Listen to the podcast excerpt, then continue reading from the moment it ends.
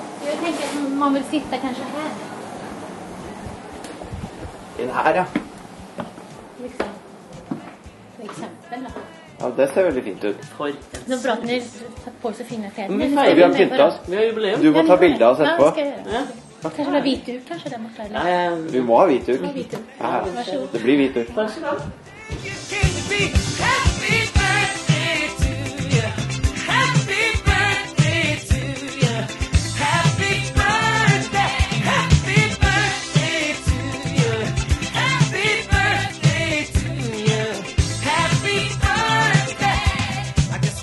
Til tonene av Steven Hardaway Judkins.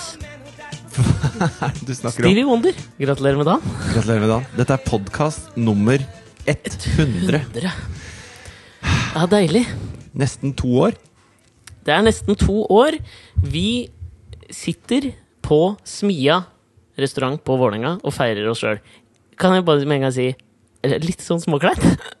Altså, det, vi, det vi har gjort da, for oss å dra på litt ordentlig, så har Ja. vi, vi har eh, pynta oss skikkelig. Jeg har mansjettknapper, hvit skjorte, slips eh, og mikrofon.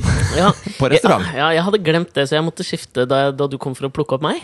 Ja, det var veldig skuffende når du sto i svart T-skjorte og shorts og Converse. Og så det som var Og jeg så var lite- sånn ordentlig Ja, stivpent. det var faktisk det. Og det, det som var liksom dritt med det også, var at jeg faktisk tenkte i dag tidlig, da jeg tok meg av mine vanlige klær, at jeg så ganske bra ut, skjønner du. Oi, Og, altså. sånn, og nå føler Så jeg meg du litt sånn hadde liksom- karikert.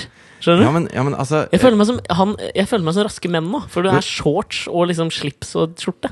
Ja, men det er litt jævlig sånn raske menn. schoolboy. Litt sånn Den, den britiske Ja, ACDC-varianten, men liksom. det er ikke, jeg veit ikke om det er kult. Jo, det er kult. Og det, men det som er viktig, da, er f- eh, Altså, podkast er jo eh, veldig sosialt, men også veldig ensomt på mange måter. Det er vi Ja. to som sitter i et lite rom og Ja. prater sammen. Og så, og så blir det jo på en måte sosialt, men vi merker ikke så mye til det når vi sitter og prater. Ja. Og vi har snakka før om at hvis man er klein, f.eks., og våkner og er griseklein, Ja, jeg er litt klein i dag. Skikkelig, skikkelig vondt i hodet. Ja. Alt er fælt.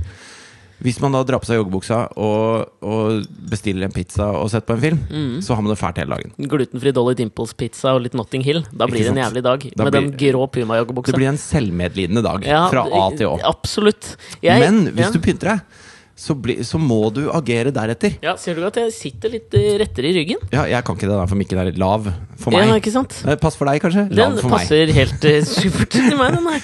Jeg, jeg, jeg Så, tenker- så derfor, derfor syns jeg det var viktig at vi faktisk dro på litt. Vi måtte pynte oss, selv om man ikke hører de deilige klærne vi har på oss. Da jeg klippa dette her, så la jeg jo på i etterkant Stevie Wonders Happy Ja. Birthday-låt.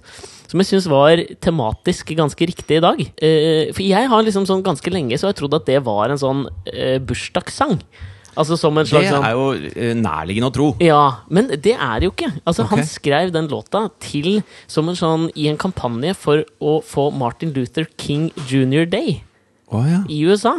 Så skrev, og så var det en sånn pågående kampanje at denne mannen må få en sånn national holiday som de har borte i USA. Så har de jævlig mye sånn nas- vet, Veterans Day. Ja, de har Alle mulige altså sånne dager. Black Month. Ja, det var Black History Month. Black History Month er det. Hvor det er sånn Ja, nå, den måneden her, skal vi fokusere litt på sort historie. Ja. Og, det, og det betyr jo da at det er bare 30 dager i året hvor de, hvor de fokuserer på det. Så, Ja. så nå mener de jo at det er rasistisk å ha en Black History Month fordi det er, så- den er så liten. Ja, men har de Native History For eksempel Native American History Month? For det, det tror jeg ikke de har. Nei, det Selv har om de de ikke. har jævlig mye sånn Ja, men jeg liker også det litt. De har så mange mye fetere øh, høytidsdager, helligdager, i USA enn vi har. Altså, jeg eh, leste en bok nå som handler om eh, Jo. eh, Ja, den er ikke så oh. Det er en litt sånn jentete bok, kanskje. Ok, hva er det? Som handler om to eh, sånn 17-åringer som har kreft. Og så, Ok. og så blir de forelska i hverandre på eh, den støttegruppa for eh, barn med kreft. Ok. Og så- Recovering, liksom? Ja, eller noe? nei, men de er fremdeles i det, da. Så, Mm. så målet er liksom bare å, å ikke være den av de som dør først. Fordi at statistikken sier at, eh, at syv av de ti i rommet der skal dø. Ja. Så du har lyst til å være blant de tre, da. ja. Så det er helt krise for eksempel, å ta heisen ned til støttegruppa, for den er nede i kjelleren på en kirke. Ja. Du, hvis- og hvis du- makabert å smelle den ned i kjelleren på en kirke. Ja, ja. med en støttegruppe. Rett ved siden av Ja, kremeringsovnen, ikke sant? liksom. Hvis du tar reperen der, så er det bare så Og det er så nederlag å ta heisen, da. Ok. For da er du liksom Da er du, da er du i hvert fall ikke en av de tre som klarer seg. Nei, du ikke må sant? vise at du kan ta trappa. Hallo? Hei. Jag presenterar menyn. Ja, Ja, gjør det. kan ikke du presentere menyen? Det är eh, kveite ceviche med cashewnøtter og chilimayo. Neste rett er en eh, sjøkrepsbisk med reker og ferskost. Ok. Sen kommer då mm, kalventrecôte av urfe med chilipölse. Östershopp, pepparsaus och lite småpotet. Och sen är det osterrätt. Det är gatiner taleggio på ett vörtebröd. Okej. Det är spännande. Och sen så är det en chokladfondant med roquefort uppe i. Roquefort i sjokoladefondanten, sier du? Mm, väldigt smaskigt. Frekt. Er det Smaskete. smaskete? ok.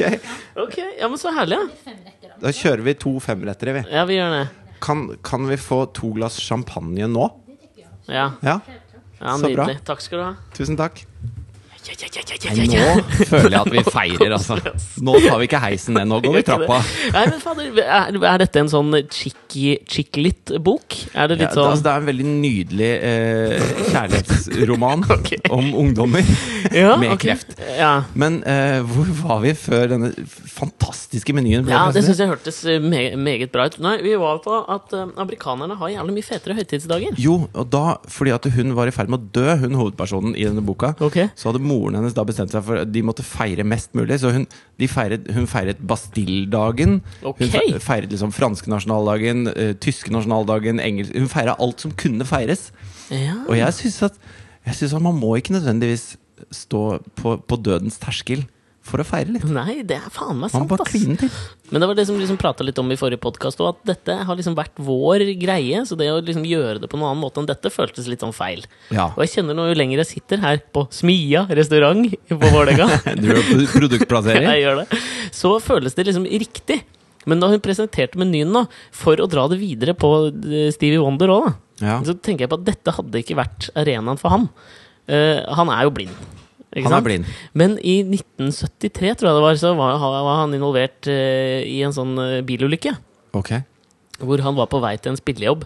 Han må jo ikke kjøre. Eh, han satt i passasjersetet. Han gjorde det. Og hørte på, for da tror jeg han akkurat hadde gitt ut den der Inner Visions-plata. Den er jo jævla fin. Jeg Jeg tror det kanskje den beste plata hans. Ja, jeg synes det. Den er på topp ti av mine favorittplater of all time, tror jeg. Topp ti av dine favorittplater av Steve Wonder. Of all time. jo, og så, men så krasja de med en, en lastebil, Ja. så han havna i koma. Jeg tror han fikk liksom, Det var en lastebil som hadde masse sånn eh, tømmer på, på lasteplanet. Så Ja. en tømmerstokk falt av og smalt inn og traff han i panna. Oi. Eh, og så han havna i koma. Og Tenk da, deg å være Altså, én ting er får når du jo ser sikkert noe sjokk. komme. Men når det bare sier bang, liksom. For det er jo det verste. Altså, hvis du ligger og sover, og så, Ja, ja. og så får du deg en fik, liksom. Ikke at det har skj- men jeg hadde, jeg hadde en opplevelse i badekaret eh, for en stund siden. har du badekar? Nei, men det var hjemme hos pappa Ok. før jeg flytta hjemmefra. Ja, jeg skjønner. Så lå jeg og leste bok i badekaret Mm. og hørte musikk. Og så sovna jeg. Ja, Det er skummelt, syns jeg. Altså, du våkner jo før du dør, liksom. Det er bare å Jo, men- sette seg opp. Tenk om du våkner, og så liksom suger du inn masse vann, og så dør I du av pusterøret. sekundær drukning, sånn som mange barn kan gjøre. Ja, nei, men det, oi, nå kommer det se her, sjampis ja. her. Det er veldig Oi, stas, oi, oi. altså. Takk skal du ha. Skål. Jeg kjenner at eh, eh, den ideen med å sitte på restaurant Ja. er veldig god. ja. Men det er også en utfordring, Det er fordi vi blir avbrutt i alle historier. Ja, men vi tar en skål. Vi tar en skål. Så jeg hadde altså lagt min 15 år gamle nakne kropp Ja, det var du I som drev badekaret med hjemme. historien, ja. Og så sovner jeg. Og så øh, øh, av, Du vet sånn av og til hvor du tror at øh, det plutselig ikke er, er bakke under beina dine, sånn at du sparker ut med beina når du sover. Ja, store barn gjør jo det hele tiden. Ja. Er det ikke derfor de driver og sparker så mye? Fordi de prøver å finne balansen igjen? Jo, øh, Ja. da var jeg et stort barn da på det Ja. øyeblikket. For jeg sovna, og så mens jeg ligger og sover i badekaret va- Vannet har blitt iskaldt. Jeg har Ja. ligget der lenge. Så plutselig øh, sparker jeg så jævlig hardt lilletåa bort i krana, da. Så jeg våkner bare av at det gjør helt ubeskrivelig vondt i tåa mi. Og jeg er under iskaldt vann. Og det, og det er sånn og det kom så bardust på meg. Og du blir jo helt, sånn derre- du blir helt satt ut på en helt annen måte når du ikke skjønner noen ting av hva som skjer. Ja, men det er fordi at du får ikke frykten, du får liksom livsredselen når du ikke vet hva som har skjedd. Ja, ja, det, er, altså, det er jo en helt altså, Hvis du ser hva som skjer, så ser du jo eh, Der går tåa mi i bordbeinet, Ja. og nå kommer smerten. Vondt. Au. Faen. Ja. Mm. Men, men når det bare skjer med deg, når det bare, og så er det bare smerte overalt, og du er under vann Jeg ble liksom waterboarda samtidig som noen slo meg i lilletåa. Ja. Veldig, veldig vondt. Ja, Så Det må jo være fælt for Stevie Wonder å krasje. Ja, men det er det jeg tenker. jo, Altså, han så Mye jo ikke det komme. fæler, fælere. Han satt visstnok for Jeg har lest om denne liksom, historien at eh, de var på vei til denne spillejobben, og så hadde han så lyst til å høre gjennom Inner Visions-plata si, men det var jo ikke akkurat sånn at de hadde musikkapparater i, i bilene på den tida. De hadde vel det. Jeg hadde De kanskje hadde radio. radio. 8-track. Radio, i hvert fall. Ja, ja, men hvordan skal han ta, sette på radioen og sjanse på at Inner Visions-plata kommer fra spor 1 til 13, liksom? Nei, jeg ja, men han skjønner hadde med seg en eh, spiller, da, så de måtte kjøre innom, og så kjøpte de noen øretelefoner som han kobla seg til. Han satt og hørte på det på fanget. Ok. Da hørte han på plata og lå og sov. På vinyl, Ja. liksom. Og så smalt det en lag i trynet hans, og det som skjedde da han våkna av koma, liksom, som jeg syns er liksom Det er jo liksom stygt at jeg syns det er litt gøy, men ok, han er liksom blind, og når han våkner fra koma, så har han mista luktesansen. Stevie Nei. Wonder har ikke luktesans. Kødder du, eller? Og så begynte han å øh, liksom, og, og helt siden da så har også smakssansen hans falt litt sånn inn og ut. Det, det du Nei. kan si om Stevie Wonder, er at han egentlig er et vandrende sett med ører. Han er liksom Helen Keller, bare Han har ingen sanser igjen, nesten. Stakkars jævel. Men øh, Så hvis vi han hadde vært smaker jo her, så hadde han ikke sett denne deilige champagnen. Han hadde hadde ei heller ikke smakt luktet den Nei. eller smakt den. Skål, da. Åh, det lukter godt.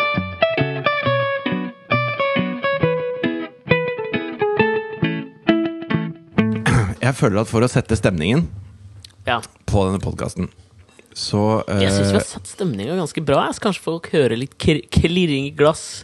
Jo, men nå skal, jeg, nå, skal jeg være, nå skal jeg fortelle deg noe litt ordentlig. Ok, ja, Sorry, jeg var ikke uordentlig nå. Nei, nei, men eh, Jeg blir altså- så jævla gira med en gang det kommer sprit på bordet!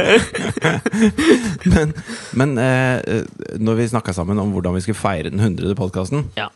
eh, så, så ble vi jo ikke bare enige om å dra på fin restaurant og pynte oss, vi ble også enige om at vi skulle skrive noe til hverandre. Ja. Jeg har sittet da eh, både i går og i dag Ja. i mange timer og prøvd å, å skrive noe pent Ja. til deg. ja. Eh, det har ikke vært vanskelig å skrive noe pent til deg, men jeg pleier aldri skrive taler, så for meg har dette vært veldig, veldig vanskelig. ja. Du er en øh, Jeg er en ora orator, men, men jeg, er ikke, jeg, er, jeg er ikke noen skribent. På, s- altså jeg, er- jeg er best når jeg bare sier det. Ja, jeg, skj- ja. Ja. Så dette har vært litt vanskelig for meg. ja. Eh, Men du har altså skrevet noe. jeg har skrevet noe, Ja. og så spurte jeg deg om du hadde skrevet noe, for det hadde vi jo tross alt av- avtalt. Akkurat som vi hadde avtalt å pynte oss der du sto i din slitte jeans og din Nei, mørke det T-skjorte. var jo en jeans-shorts. Ja, Rett en skal være rett. jeans-shorts. Ja. Eh, så sa du at du hadde ikke skrevet noe. Og så gikk jeg inn for å hente en mikrofon og kom ut tre minutter senere, og da sa du 'nå har jeg en'!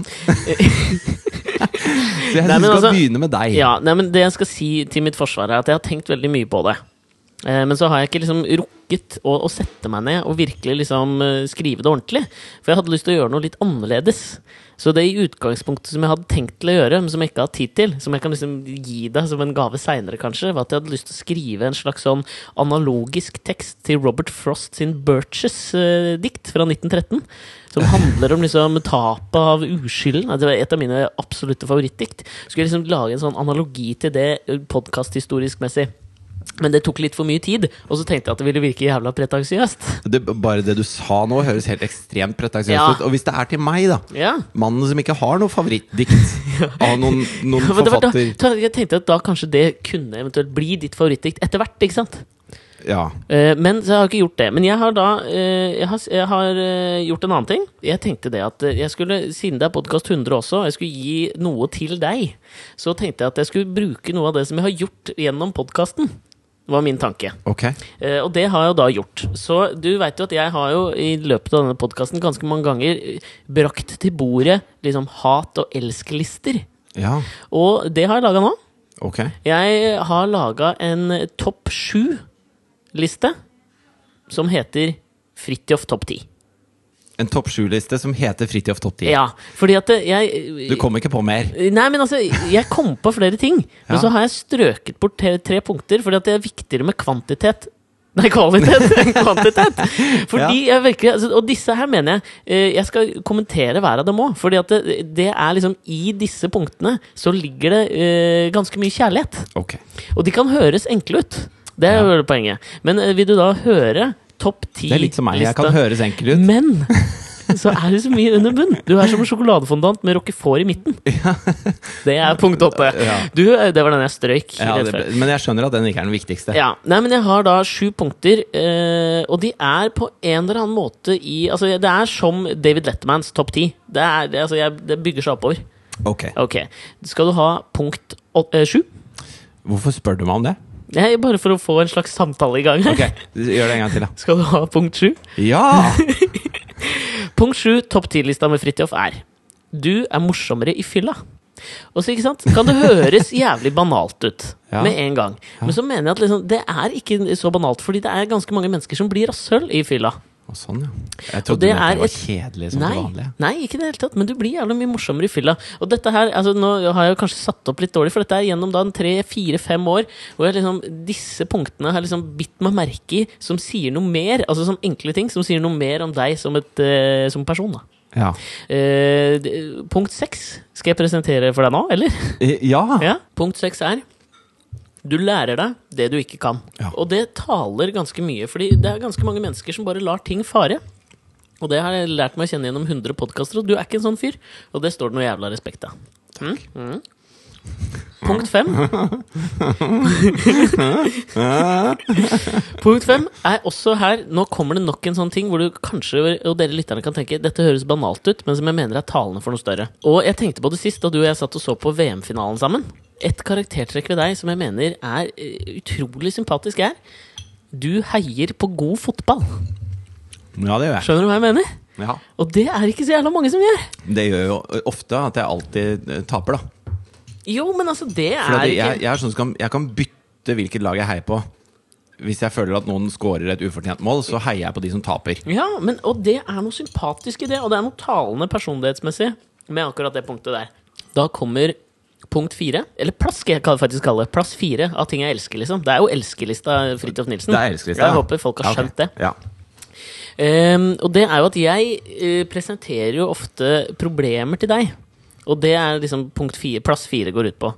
At du har en praktisk, praktisk og teknisk løsning på problemer av eksistensiell karakter.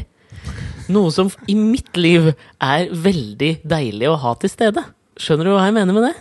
Ja, jeg, altså, med en gang du sier noe som er et problem, med Ja. en gang du skal presentere et problem, så sitter jeg kun og tenker hvordan kan det løses, hvordan kan det løses, hvordan kan det Ja. Og det, det er jo både positivt og negativt. Altså Veldig mange jenter har blitt veldig sure på meg opp igjennom.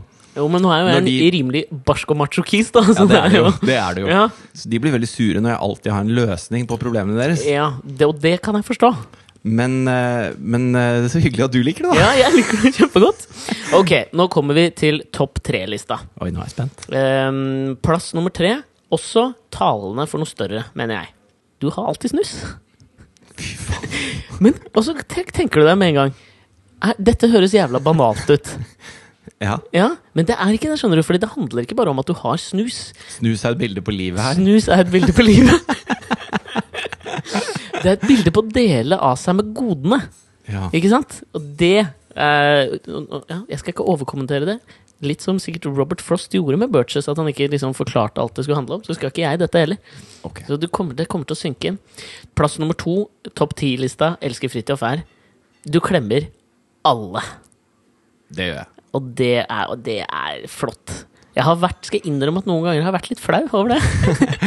Ja, men det Men har jeg òg. det er et, fan- en fantastisk egenskap. Ja, men vet du hva? I går satt jeg og så på eh, The Killing, som er den amerikanske remaken av Forbrytelsen. Den danske serien. Ja, ja. Og da tok jeg meg selv i å si høyt mot skjermen.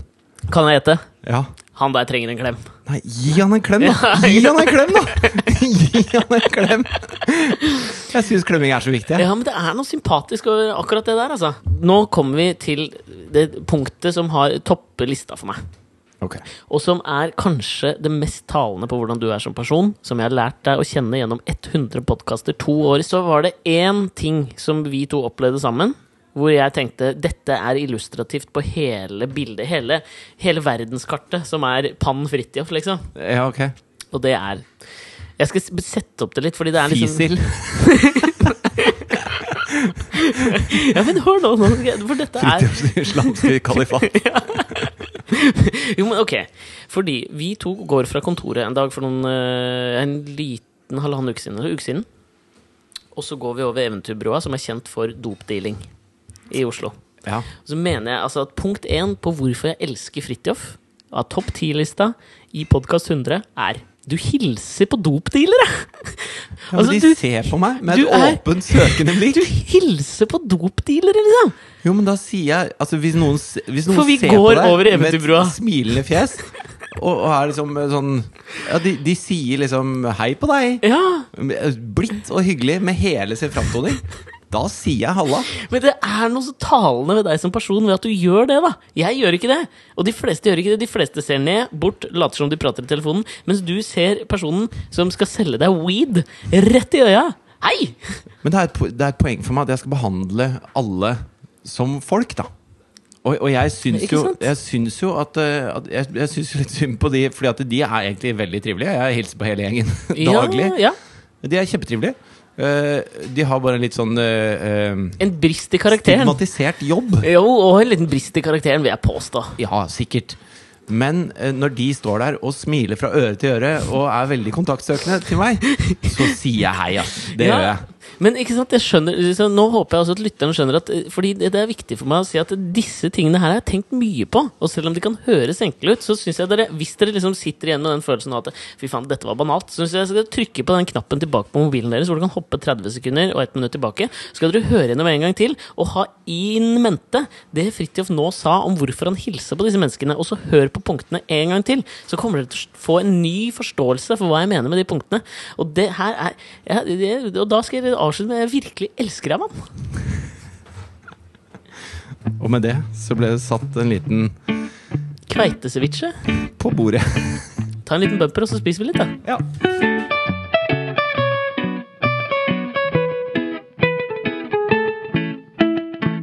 Nå er jeg jævla spent.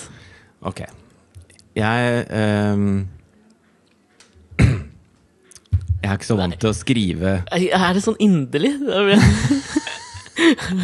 Så det er så flaut med sånn inderlig.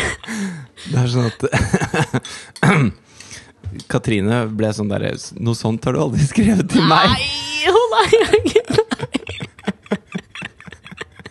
Jeg vet ikke om jeg klarer å se, se deg i akkurat nå. Kjære Kjære Alexander. Jeg kan ikke Nå, nå ble det varmt her, nå. Nå blir Nå det skal jeg bare løsnet litt på løsne litt på slips her, ja. Å, slipskunden. fy faen. Ok. Nei, men eh, altså ja, ja, nå skal jeg ikke si noe.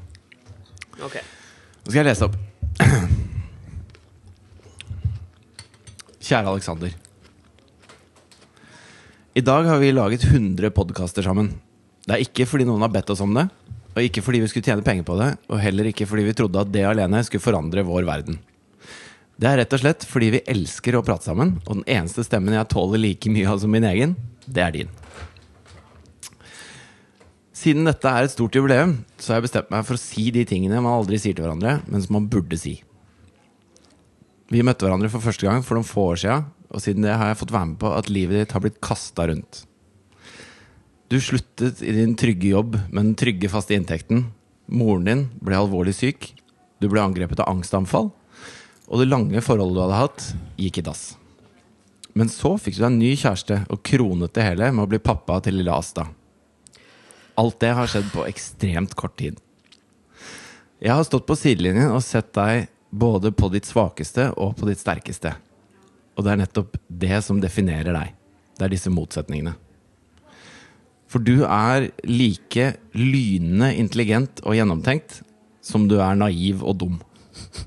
Du er en slappfisk, men du kan jobbe som et svin når det trengs. Du er svak og redd, men samtidig så er du selvsikker og verdensvant når det trengs. Du er en av de tøffeste og mest pinglete jeg noensinne har møtt. Og du er tvers igjennom god og snill, men du tør å kjenne på ting som ikke er godt og snilt.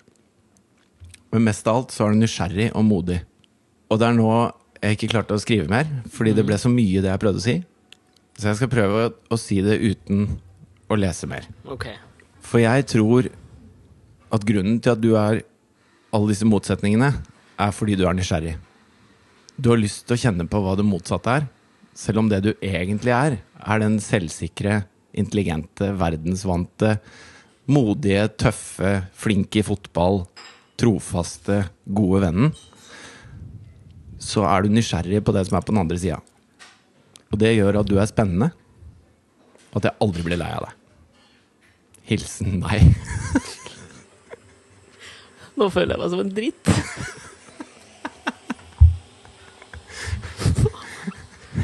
Nå grein jeg på ekte. Fy fader. Det er varmt her, ass. Ja, nå ble det varmt her, ass.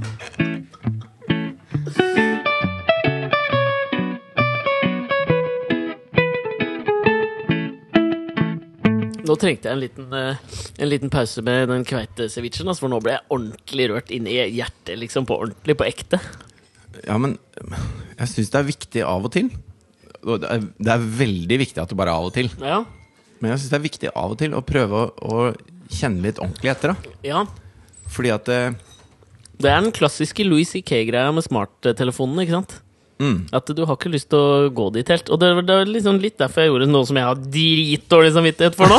Fy faen. Men Tenkte det- det skulle være litt artig topp med en topp sju- 10, topp 7-liste, Det er liksom. litt som Letterman, ja, kan du si. men jeg tenkte det var jo jævla talende, men det var jo ikke ku- ja, Nei, det der ja, det, ja. Men hva faen skal du si i bryllupet mitt nå, da? Douchebag! Med tanke på hvor mye som har skjedd de siste tre åra, bare, så, Ja, for så, så vidt, sant det. får jeg sikkert masse å si i bryllupet ditt. Men jeg må Skal du gifte deg? Nei, det skal jeg ikke, altså. Fy faen. Eh, det, nei, det, det, det der var jævla koselig, ass. Ja, men jeg, jeg Vi sy- fader, der tror jeg, nå synes jeg, der, der har jeg lyst til å høre om lytterne også ble like rørt som meg der, for der begynte jeg ordentlig å grine. man driver og fjoller og fjaser da, Ja. med alt mulig hele tiden. Og, Ja. det, og det er eh, det er både for å gjøre livet morsomt og lekent, men også er det en overlevelsesmekanisme. Fordi at da slipper Ja. man å stå for ting man sier for tydelig. Mm, For Hvis du først sier det for tydelig, så har du sagt det. Ja, Og, og det er jo derfor jeg er så dårlig på å krangle. Fordi at eh, de, de, jeg, jeg vet at de tingene jeg får lyst til å si da, de, de har De jeg kommer du til å angre aldri lyst til på. å ha Ja, jeg vet Mm. sagt. Så da blir jeg bare en stum, liksom. Eh, når jeg blir krangla med. For det er stort sett det jeg blir.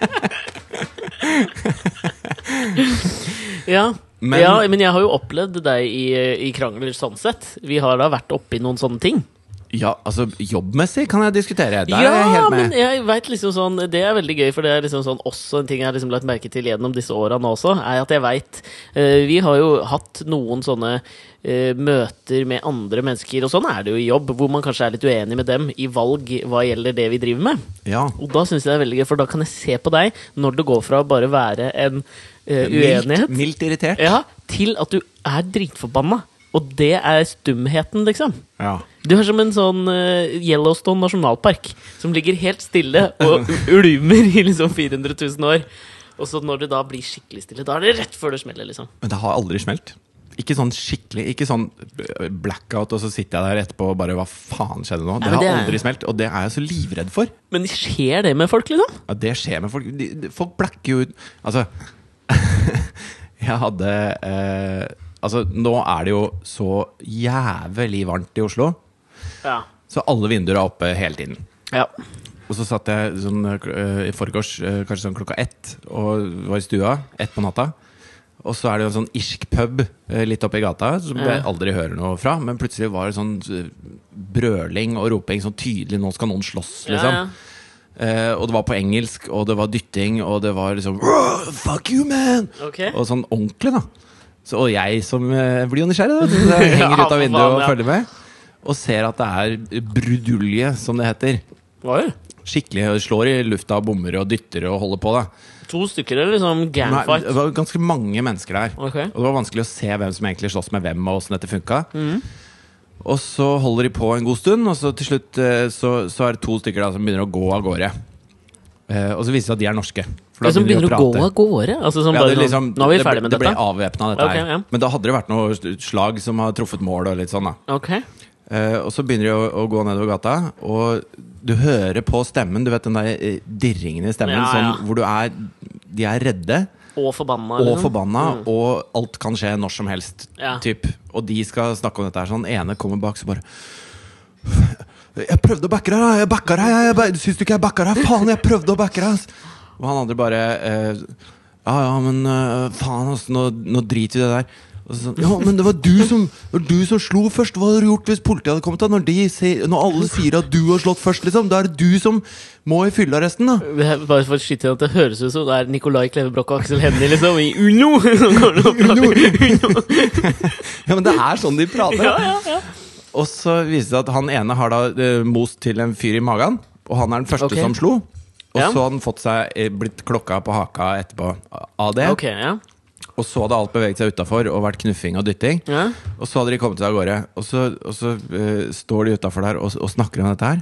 Og, og det er, du merker liksom spenninga mellom de Ja, ja. to. Og skjelver i stemmen. Og så, og så sier han ja, hvis ikke jeg hadde backa deg og fått deg ut, så hadde du havna i fyllearresten, for du slo først. Mm. Vil du i fyllearresten, eller? Nei, jeg vil ikke i fyllearresten. Jeg vil egentlig bare ha det gøy. Og så sier han andre Ja, men da går vi og har det gøy. Og så tar de og legger armen om hverandre, og så danser de nedover Det gata. er jo fantastisk! Og jeg bare Hvorfor filmer jeg ikke hele tiden? Ja, ja. Liksom? Jeg, ha- jeg hadde så lyst til å ha filma det når de begynte å danse Åh, det nedover er Markveien. Men, men jeg har aldri vært der. Jeg har aldri vært der at jeg slår først en fyr i magen. Ikke jeg Jeg heller. har heller aldri blitt slått i magen. Jeg har blitt slått ned Jeg har noen blitt slått i ganger. magen en gang på ungdomsskolen. Det var kjempevondt. Fikk ikke puste. Ja, jo, jo. Nei, men jeg har blitt slått ned i trynet, liksom. Det er jo ikke noe gøy, det. Sture trodde jeg hadde tømt et askebeger ned i rullingspakka hans. Da Fikk jeg meg en i magen. Fy Jeg faen, hadde nå ikke gjort ble det. du gammel, altså. Det hørtes også litt uno ut. Ja, det var også litt den siste revejakta, altså. Fy faen, du blir bare mer og mer den siste revejakta som åra går. Ja, men jeg elsker det litt. Ja, jeg, skj- det, det kan jeg Det være er enig derfor i. jeg altså. hilser på de junkiene på broa nede på Eventyrbrua. Er det det? Nei da. Nei, ok.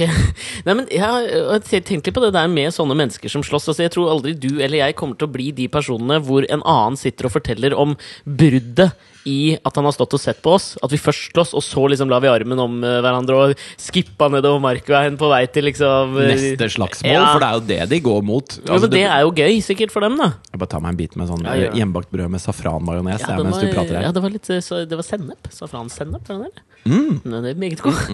Jo, men jeg tenker, Det som, har liksom, som jeg har tenkt litt på når jeg har på en måte bevitna slåsskamper For det jeg kan si med hånda på hjertet, og det er jo, jeg er jo ikke stolt av det, men jeg har nok øh, starta flere slåsskamper enn jeg har vært med i, for å si det sånn, da. Altså, du starter den, og så får du noen andre til å slåss for Ja.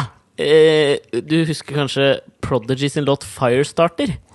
Instigator kunne den hett. Og det I'm tror jeg the ikke ja, I'm the instigator. um, det har jeg gjort en del ganger. Og det som jeg alltid har latt meg forundre av Altså Hvis jeg var en slåsskjempe og en fyr som slåss, så er jeg jævla forundra over at ikke flere slår først.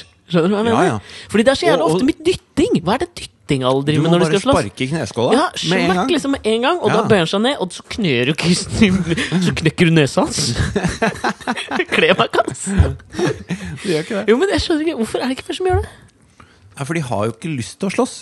Jo, men har de ikke det? Er det ikke derfor de, de Nei, er jeg, jeg, ute og tror, har det gøy? Liksom? jeg tror de liksom har lyst til å slåss helt til de plutselig står rett overfor det å slåss. Ja. Og da er det ingen som har lyst til å slåss, så da står de bare og knuffer. Fordi at de kan ikke tape ansikt heller. Så du står og knuffer og håper han andre skal gi seg bare fordi du er så tøff i knuffinga. Ja. Ja, det, Så ja, gjør de stort sett det. Noen gir seg. Stort sett før det blir slåsskamp. det gitt meg fort, ass. Jeg hadde På en knuff. En knuff, liksom. Da hadde jeg gitt meg, tror jeg. Jeg tror eh, Hvis jeg hadde havna opp i slåsskamp, så Ja. tror jeg det hadde blitt å løpe om kapp. du hva? Før du veit ordet av det. Jeg tror Hvis jeg hadde havna opp i slåsskamp, så tror jeg jeg hadde hatt det psykologiske overtaket. For jeg tenker liksom sånn At du er sånn gæren. Sånn liten gærning. Ja, men at ja, Skjønner du? At jeg liksom hadde på en måte spilt, spilt på det, da. Hadde du, Eh, Og så- vært sånn, hadde du spilt sånn crazy? Sånn der, Helt gæren, «Hæ, sånn, Jeg ja. spiser deg! Ja, jeg er på speed, liksom. skjønner du? Jeg, spi jeg spiser Ja, deg! jeg vet da faen hva man sier. jeg, hvis man skal være tøff. Jeg kokte en fyr til frokost i dag. Jo, men Jeg tror jeg hadde hatt en del sånne triks som jeg føler at de som slåss, ikke har. Altså jeg tenker sånn at Hvis, man, hvis jeg hadde infiltrert casuals-miljøet, så hadde jeg gått kjapt i gradene fordi jeg tenker at de er tjukke i huet, liksom. Ja, Skjønner du hva jeg hva er mener? trikset ditt, da? Nei. Lese, lese dikt fra 1903 for det? Ja, Kanskje. Med en sånn crazy mine, liksom. Bare med en, gang, med en gang noen er i ferd med å slåss, så begynner du å brøle den, der, den røde trillebåra. All depends on the red wheelbarrow! Standing in the rain! Glazed! Vi starter chicken! Ellers må du bare begynne å krangle om et eller annet helt annet. Ja, det er jævlig gøy.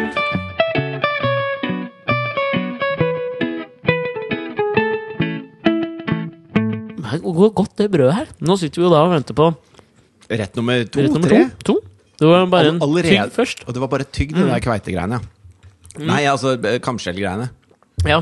Du, jeg tenkte vi kunne introdusere en litt sånn ny ting i dag i podkasten. Siden det var liksom podkast 100, så kunne vi prøve noe nytt. Mhm. Fordi jeg leste om en sånn sak som de hadde begynt Fy faen, hos Matra! Ja, men jeg kompis. prøver å gi, Sant. å gi lytterne et inntrykk av at jeg nyter maten. Ja, men det var jævla godt, altså. Kjempegodt. Vi må ha noe mer drikke snart òg, merker jeg. Mhm. Jo, jeg, jeg leste nå i The Guardian her at um, um, eh, noen litteraturforskere hadde gått inn for å finne ut liksom sånn Når slutter folk eh, i, i kjente bøker? Altså når legger de fra seg bøkene? Eh, fordi det er jo liksom sånn um, Ofte at du begynner på bøker som du ikke gidder å gjøre ferdig. Og så vil de prøve å finne ut liksom i hvilken Hvor langt folk leser hvor før langt- de gir seg. Ja. Det og i kommer litt hva an på slags bøker. boka, tenker jeg. Ja, men det er det de prøver å finne ut, da. Ikke sant? Ja. Sånn at de kunne sjekke for eksempel alle klassikerne kontra liksom Fifty Shades of Grey. At de kunne sjekke alt. Og så d- kom de opp med noe som de kalte Hawking-indeksen. Som ble, jeg tror ble kalt opp etter Stephen Hawking. Hvorfor må du ikke spørre meg om, for så nøye gadd jeg ikke å lese den artikkelen. For det er jo ikke så ofte Stephen Hawking plukker opp en bok. Det tror jeg ikke, altså. Men det, det, måten de eh, gjør det på, da er at, det- og de, de, altså de er helt åpne med at eh, our method is flawed, men det er da i hvert fall noe. At de tar alle Kindle-brukerne, og så ser de på eh, Fordi på Kindle så kan du liksom highlighte noe i boka. Ja. Og det, jeg har Kindle og jeg har brukt det masse sånn highlight hvis jeg syns en passasje var kul. Eller jeg tenkte Hva skal du bruke det til etterpå? Det du har highlighta? Nei, det, det lagrer seg, ikke sant? Og så kan du liksom, sånn som jeg har brukt det til, er for eksempel hvis det er referanser til en annen ting, så går jeg og sjekker det, eller at det var en sånn flott setning som jeg gjerne leser igjen, da, så husker jeg den, eller whatever. Eller hvis du er i ferd med å havne i en slåsskamp, så har du noe du kan brøle. Et sekund, kompis, og så Så opp bare- med Kindlen. Opp med Kindlen. Ok, you want a piece of this? Og så bare opp med Kindlen og bare Jo, men det kan jo fa- snart funke. For jeg så, eh, vi prata jo om han Jeff Bezos i eh, Amazon eh, Ja. for noen podkaster siden. Og nå lanserer han jo Netflix for bøker borte i USA. Så du kan ha det rett til Bøkflix på, på mobilen. det er Bøkflix. Uansett. Er det sånn at du abonnerer, da, så kan du lese alle bøkene som fins? Ja. Ok. Og så får du eh, tilgang til alt i audible.com og sin eh, greier. da. Så det er jo Det er jævlig fett. bra. Det liker jeg. Men det er ikke kommet til Europa ennå. Lydbøkflis. Reklamemann. Eh, jo ehm, Så de, de, det de måler, da, er jo da hvor, eh, altså når er den siste highlighteren du har gjort i boka. Og det er, s- hvor, altså, det er der du havner på Hawking-indeksen, da. Jeg skjønner. Som jeg syns var litt sånn det Men var litt leser artig. ikke du ferdige bøker? Jo, jeg pleier å lese ferdig bøker. Det er et par jeg har begynt på en del ganger. ass Som du synes aldri har er- lest ferdig? Ja, Guns, Germs and Steel har jeg aldri blitt ferdig med. Har du ikke det? Nei, fy faen, den er tung, ass. Jared Diamond. Ja, Nei, jeg har lest ferdig. Golden Boy innenfor PhDs, lov å si, eller? Ja, det er lov å si. Fy faen. Han eh, Det er den mest imponerende sånn og Vaskeseddel er det vel ikke, men den introduksjonen av forfatterseddel i en bok jeg noensinne Som har han lest. har skrevet selv. Ja, ja, men det er som om han skulle skrevet åpenbart, den liksom. talen jeg leste for deg. Ja. Bare til seg selv, og Jo, satt men den i begynnelsen av sin Han bok. får lov, liksom. Hvor mange doktorgrader har han, da? Ja, det, altså det han konkluderer med i den, i den introduksjonen til boka er at- Mm.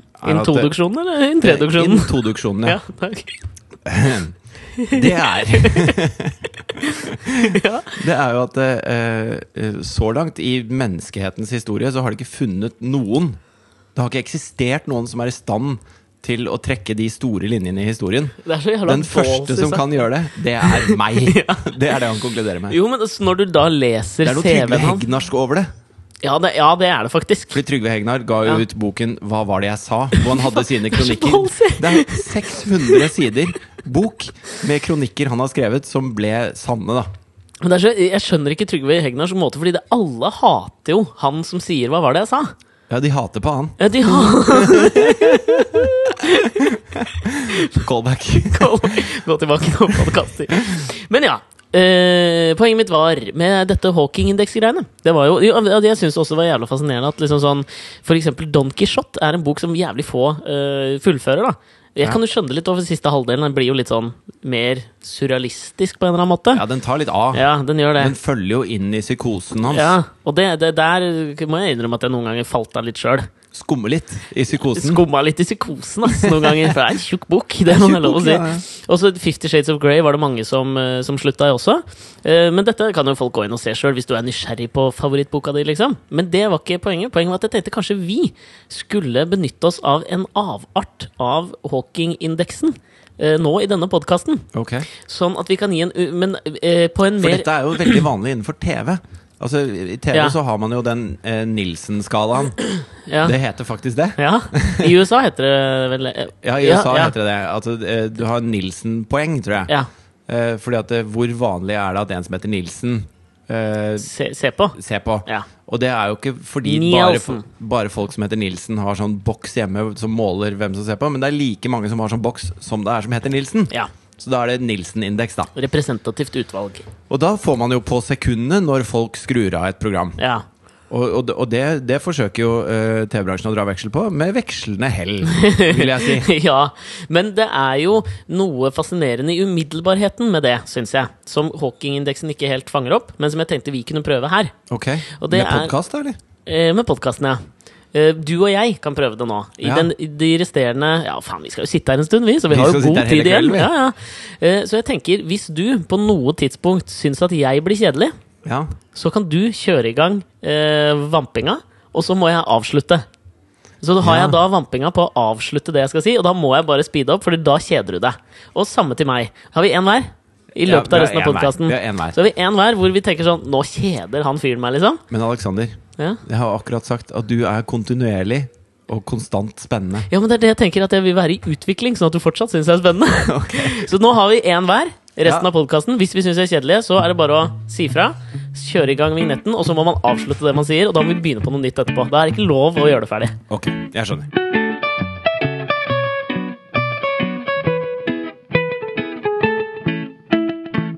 Apropos Trygve Bam! Hegnar. Bararara. ja. Jo, men vi nevnte jo Trygve Hegnar i sted. Ja. Eh, eh, hva var det jeg sa om han? ja. Og, og d- grunnen til at han eh, kan gi ut en bok på 600 sider med hva var det jeg sa, var at han sikkert har skrevet eh, 1800 sider med ting, og så, og så eh, Skrevet mye. cherrypickeren etterpå. Det er de tingene som klaffa. ja jeg synes han, sier, ja, han er vel Er han redaktør i Kapit... kapit eh, faen, er det Kapital?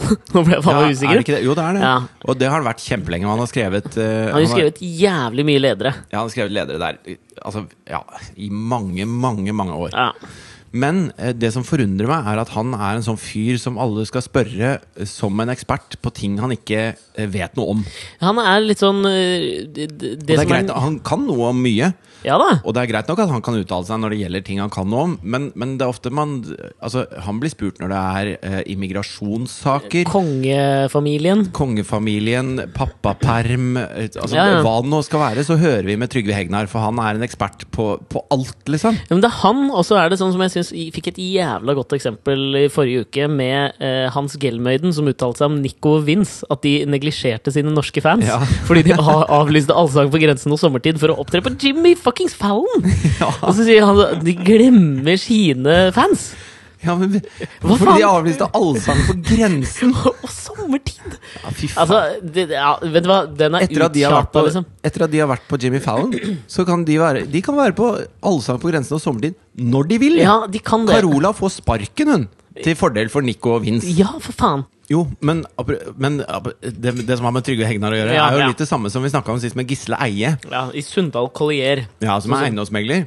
Eh, eh, eh, Aksjemegler. Aksjemegler. Ja. Og at han da skal uttale seg om pappaperm. ja. Som, som, han syns jo at pappaperm er helt høl i huet. Han Han synes synes jo bare det det var er litt, litt rart at jeg må være hjemme med mine egne barn. Ja. Jeg har tenkt mye på det siden vi prata om det. Jeg har lyst til å Men prate litt mer om det. Ja. hvorfor er det han man spør? Altså det mennesket i Norge som har minst interesse av å, å gi noe videre til neste generasjon, er den vi spør om dette med pappaperm. Man Mm. spør ikke alle de andre fedrene som er interessert i å være sammen med barna sine. Nei, og det er det, det, er det jeg syns har liksom vært et fascinerende fraværende element i den debatten der. Er liksom, det er det, og så er det eh, spørsmålet om liksom barna. Fordi det er jo ingen som, altså det er ingen som har stilt det spørsmålet, i hvert fall ikke av det jeg har lest. Det kan jo hende at noen har gjort det.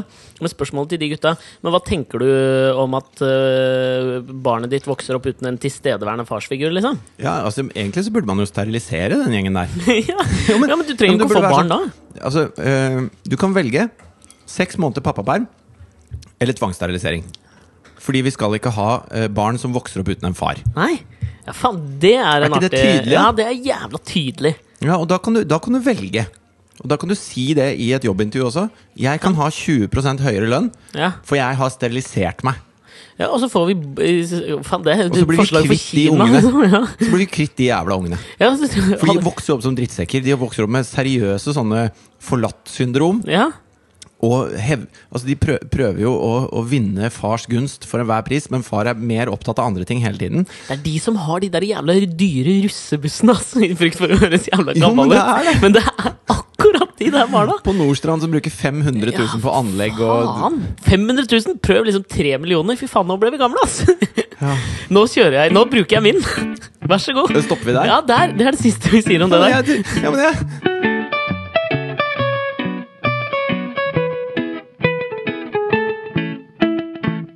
Da er vi ferdig med rett nummer tre. Er det tre?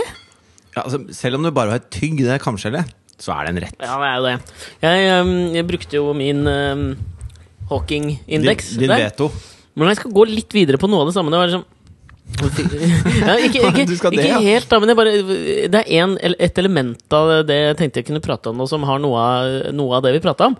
Men fordi på dette Hawking-indeks-greiene så viste det seg at en av de bøkene som færrest fullførte, det var denne her eh, Kapital i det 21. Kapitalen i det 21. århundre av han nye Wonderboy-økonomen Thomas Piketty. Han franske økonomen. Hørtes kjedelig ut, da. Ja, Har du hørt om han her, eller? Nei. Jeg har blitt litt sånn, eh, hatt en uke nå hvor jeg har vært fullstendig hekta på Thomas eh, Piketty. Er han en eh, Keanes-type fyr, eller? Nei, nei, han er venstresidas nye mm, Wonderboy eh, økonomisk. Altså, ja, kanskje. Men, men ja, Keanes ja, ja. var jo det. Han, ja, Altså, definitivt. Ja. Keanes var jo han som la grunnlaget for på en måte, hele Latin-Amerika Mm. før Chicago-skolen kom og, og korrumperte det. Revene. ja. Så var det jo Keanes som la grunnlaget for den sosialdemokratiske eh, framveksten der, da. Ja, han, jeg vil jo kanskje påstå at kanskje Thomas Piketty drar det en, enda litt lenger. Jeg er litt usikker til og med også på hvordan man uttaler navnet hans, for han er jo da fransk. Kan jeg gi sånn kort bakgrunn på Thomas Piketty. Ja, for han skriver det E P-I-K-E-T-T-Y. Piketty. Ja, og det Ja. Jeg Piketty, sier da. Thomas Piketty, jeg. Ok. Ja, grunnen til at jeg tenkte på det eh, da du nevnte dette med pappaperm, var at jeg syns han for meg er en, eh, en av de som er minst pappapermkompatible av liksom eh, framstående intellektuelle. Ok. Så syns jeg han er det. Fordi her er liksom bakgrunnen for Thomas Piketty.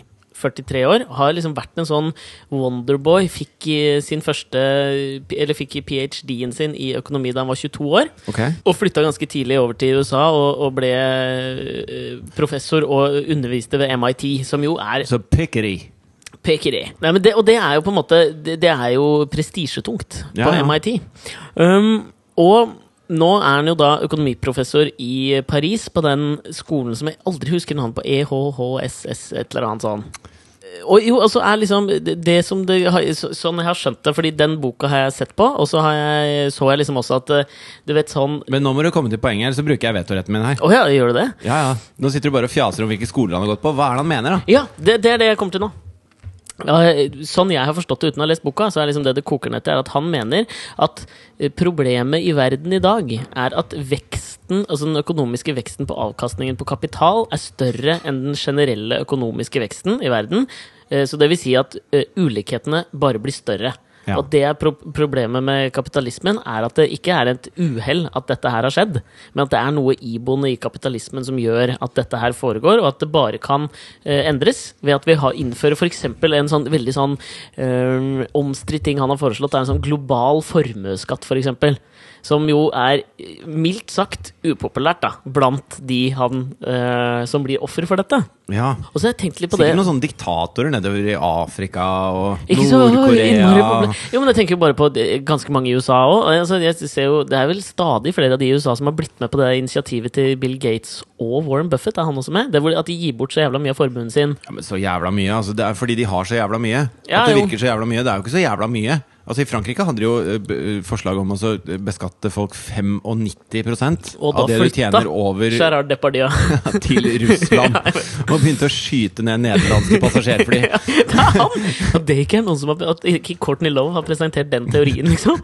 Det er jævla rart. Så vi- du ser jo, De, er, de har jo sånn depardieu-form, disse russiske Separatist- Ja, separatistene de har i kanskje Ukraina. det, altså. Men Og det- med den balaklavaen sin, med den nesa. Nesa som stikker ut. Tittnesa som er det under balaklavaen. Jeg tror den nesa der er en sånn eh, og den syns jeg kjenner igjen. altså, Den alkisnesa.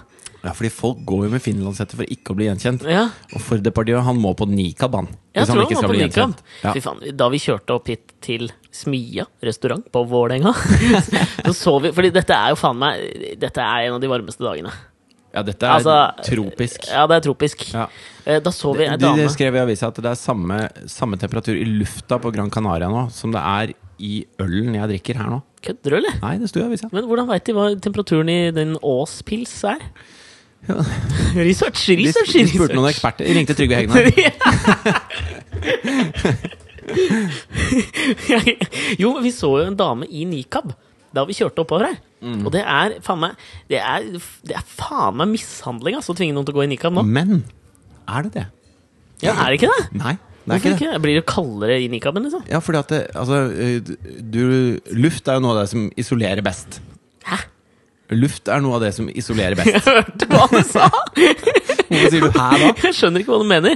Jo, altså, Hei, grunnen eh, til at i det- Gaza, vi skal bygge en mur. Hva skal vi bygge den av? Betong? Nei. Ta, ta luft, du, kompis. Jo, men de bygger jo ikke den muren for å, holde, for å passe temperaturen. det er for å holde mennesker ute. Åh, vet du hva, jeg skal til Arktis og gå en liten eh, ekspedisjon, jeg. skal du Hvorfor ha med deg noe tror du- ull? Nei, jeg har tar med meg bare luft, jeg. Ja, hvorfor tror du ull isolerer? Ja, eh, nå, det, den skjønte jeg. For det jeg sa er mye ull i det. Ja. Hvorfor Det er tror mye du luft i det. dun- Ja. en dundyne Ja. er varm fordi det er så innmari mye luft i det. Samme med rockull som du putter inn i veggene. Rockwool, ja. Ja, Ja, det er den reklamen med Hilde Lyrån og Eldar Vågan. Tidenes beste reklame. Rockwool. Nei, skal du rulle den ut, eh, Eldar? Jeg ruller den ut. Takk for meg. Ja. Ja. Men mener du Hvordan er det Men Men så hvordan, Hvis du ser på sånne nomadestammer i Sahara, for eksempel, da, Ja. så går jo de ikke i tettsittende hvitt. De går i løsthengende sort. Altså store, sorte kjortler. Jeg er litt beige. Jeg gjør det ikke Ja, ofte men Det er beige. mørke farger, i hvert fall. Hva heter det bandet som er sånne Kan jeg bare fullføre hvorfor det er lurt å gå i nikab når det er 35 grader i Oslo? Ja, gjør det. Fordi at det da, ti- altså materialet suger til seg varmen, og så har du et, et solid lag med luft mellom deg og det materialet, som gjør Altså, når ting begynner å varmes opp, så øh, tiltrekker det seg varme, på en måte, da. Ok. Det er så, hvis du tar en, en varm flaske med øl, og så pakker du den inn i et vått håndkle, Ja, Mhm. og, legger den i fryser. sola, Å, i f- i sola? i sola Ja.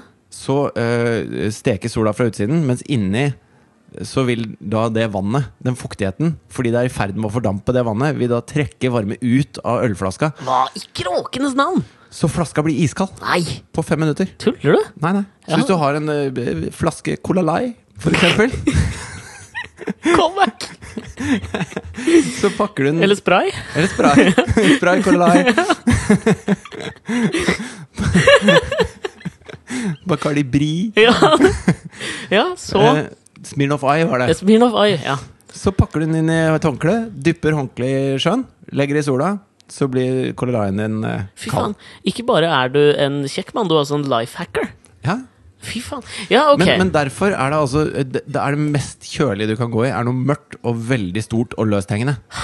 Og det er derfor nomadestammene nede i Sahara Tror du de hadde tatt på seg det hvis det ikke var det som funka best? Jo, men jeg tenkte at det funka bra fordi at det kom mye sandstormer. Jeg. Nja, det hjelper jo sikkert da òg. Det jeg syns er gøy med meg, vet du hva det Nei. er? Hva er det? Det er at jeg er sånn Jeg er så ganske sikker på det jeg sa nå. Ja, det er det. Fordi at jeg har lest den der du sa på en life hack, men da la du eh, et kaldt klede om en varm flaske, og så la du det i fryseren. Og da ble det kaldt på fem minutter, sto det. Altså Hvorfor tror du eh, disse ar araberne, da, Mm. som kommer fra der hvor det er Generaliserende greier, ass. Nei, men altså I Irak nå så er det bikker det snart 50 grader, liksom. Ja. Og da er det en grunn til at de går kledd i det de går kledd i. ja, men ja, de går kledd sånn, de. Altså, vi, går, vi går i shorts og, og singlet Ja, og brenner i den sola. ja. Og aner ikke hvor vi skal gjøre oss. Men så kommer de som er rutinerte, i nikab. Shit, ass. MC Hammer var liksom forut for sin tid sånn sett òg. Ja, De buksene tenker jeg er that's Det what må jo we være- pray. Pray, we pray to make it okay. Nei, nei, nei. Jeg har brukt opp Skulle den ønske greia. du hadde en veto Å, til, da. fy faen, ja. Men poenget mitt med dette med eh, Thomas Piketty Mm. var at jeg syns historien hans er så Eller jeg syns det er så fascinerende med sånne eh, mennesker som på, på et eller annet nivå er liksom enere på noe man ikke forbinder med liksom eh, rebelskhet eller liksom eh, rockete. Skjønner du litt hva jeg mener? At du At han, forventer at jo han av- er en rebell, men innenfor eh, kapital. Ja, nei, innenfor det, i de, i den intellektuelle sfære så Ja. er han liksom en rockestjerne. Ja, ja, ja. Så- øh, Blitt nå. Og så øh, synes jeg, jeg har liksom lest, lest litt om han og sånn. Kanskje også spesielt fordi jeg så sånn intervju med jeg leste et intervju med Jonas Gahr Støre, hvor det var du vet, sånn Q&A, bare sånn kjapt sånn sommerintervjuet. Hvor han liksom sånn, hva, hva er sommerlektyren? Hvor han sier 'Jeg må vel komme gjennom kapitalen i det, i det 21. århundre' av Thomas Piketty. Og det, hvor jeg tenker sånn, det er sånn typisk sånn som booster salget til noen. At Ja. han leser det. Og så fikk det liksom sånn ah, Hvis Støre skal lese det, da ja. Da, da Så, må ja, du jo da skal jeg ha, Det er liksom. riktig.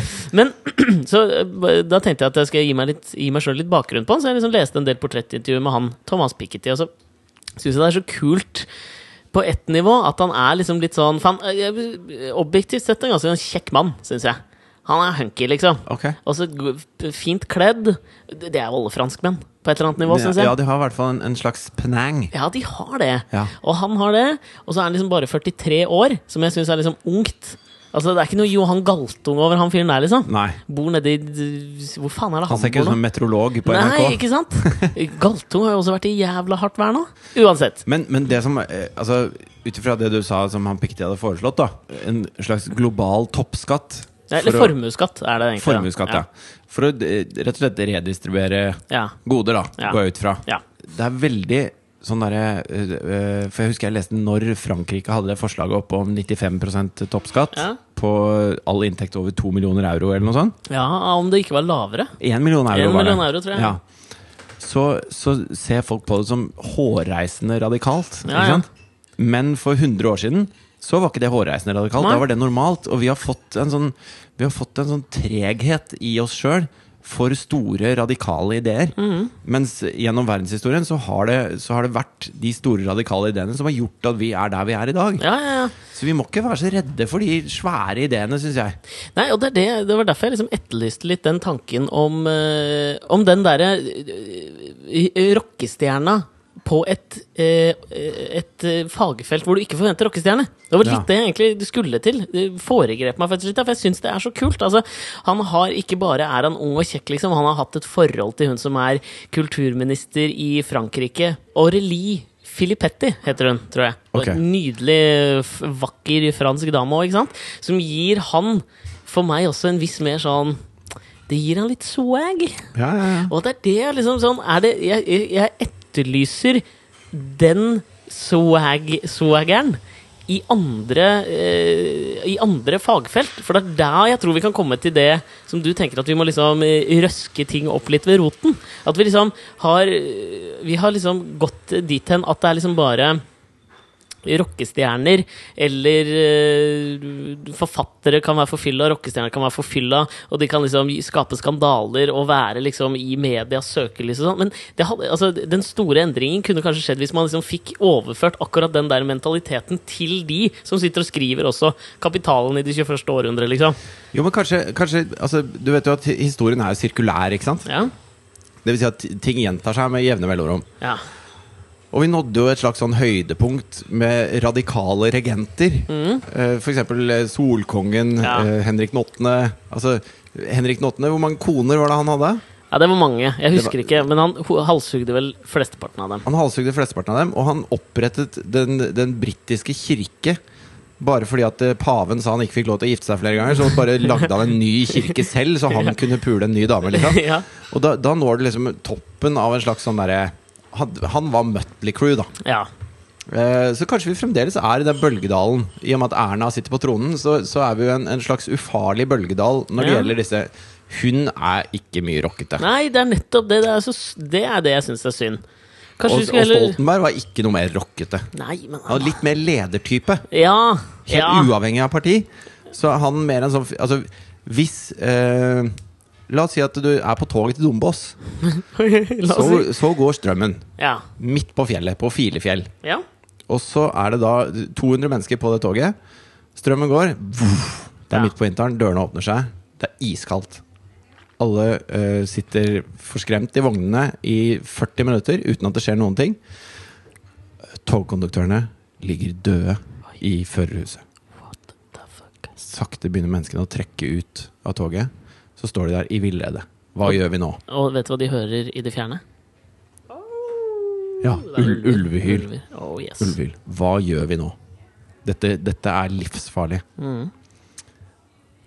Erna, Hadde ikke fulgt dette, Erna. hvis hun hadde liksom Niks. rukket opp hånda Nei. og sagt Hør nå her, folkens! Vi går Jeg har et innebygd kompass i Følg etter klokka meg. mi. Ja. Altså, hun er ikke den typen. Nei. Og da syns jeg det er rart at hun leder et land. Så herlig. Tusen takk. Tusen takk. Og med de ordene så kom hovedretten på bordet. Ja, ja, ja, ja. Jeg er helt enig med deg. Du hadde ikke fulgt etter Erna, men samtidig så har du et lite problem med det derre Men Piketty han Han hadde kommet ut av det der handikaptoalettet mens han knappet opp buksesmekken. Å ja! Og Og bare gått- Aureli, Aureli Filippetti hadde kommet bak og tørket seg rundt munnen og kneppet igjen blusa. Ja, så han tatt kjekt tak i, i liksom den øvre karmen på utgangsdøra av vognen og svingt seg eplekjekt opp Ja. på taket og bare Arrete! Vippa opp en Zippo-lighter, tent på, og det, ah, plutselig så hadde han en fakkel i hånda. Ja, ja. Tent Som på en han- fakkel. Ja. Og så hadde han sagt eh, Følg meg! og alle hadde lunta etter, som de sauene vi er.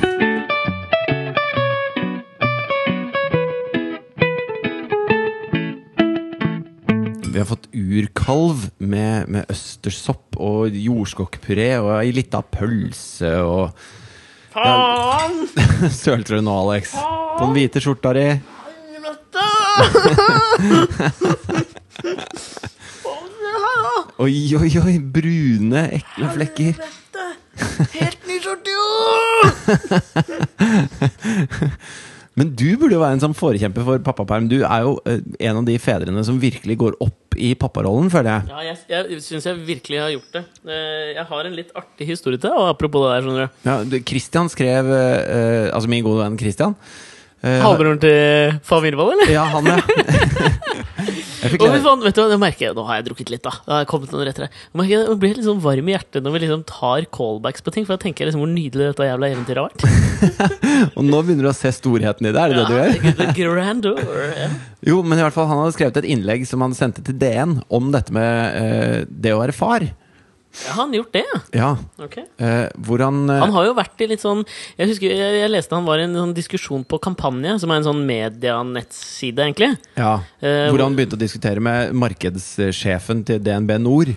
Og jeg må bare si at Christian eh, var pugnant og hadde rett, liksom. Ja, ja, ja. Det var om Northug-skandalen Ja, og, og da- Coop, hvordan de skulle ja. Christian satt jo bare på do og leste Altså Han har jo ikke noe med dette å gjøre. Nei, nei. Han satt bare på do og leste på telefonen sin, så leste han hva han DNB-markedssjefen hadde sagt. Og så tenkte han sånn nei. Nå tar jeg meg en whisky, og så skriver jeg det jeg syns. Mm. Og så har han baller til å sende det inn da, til kampanje. Og plutselig da så blir det jo liksom fram og tilbake mellom de. Og nå har han gjort det samme om dette med Egentlig ikke om dette med pappaperm, men dette med papparollen. Ok. Hvor han sier at eh, For han har vel barn fra før? han har barn, ja. Nå har han akkurat fått en til, som heter Julie. Mhm. Eh, som er eh, omtrent akkurat like gammel som eh, din lille datter, tror jeg. Omtrent like. Ja. Jeg har bare spist litt samtidig, ja, skjønner du. det er lov, det. Men hans poeng er at vi skriver så mye vi skal inn i kalenderne våre. Mm, Men eh, noe, av, noe av den viktigste jobben vi gjør, skriver vi aldri inn i kalenderen. Så den, den faller alltid i bakevja for alle de andre avtalene.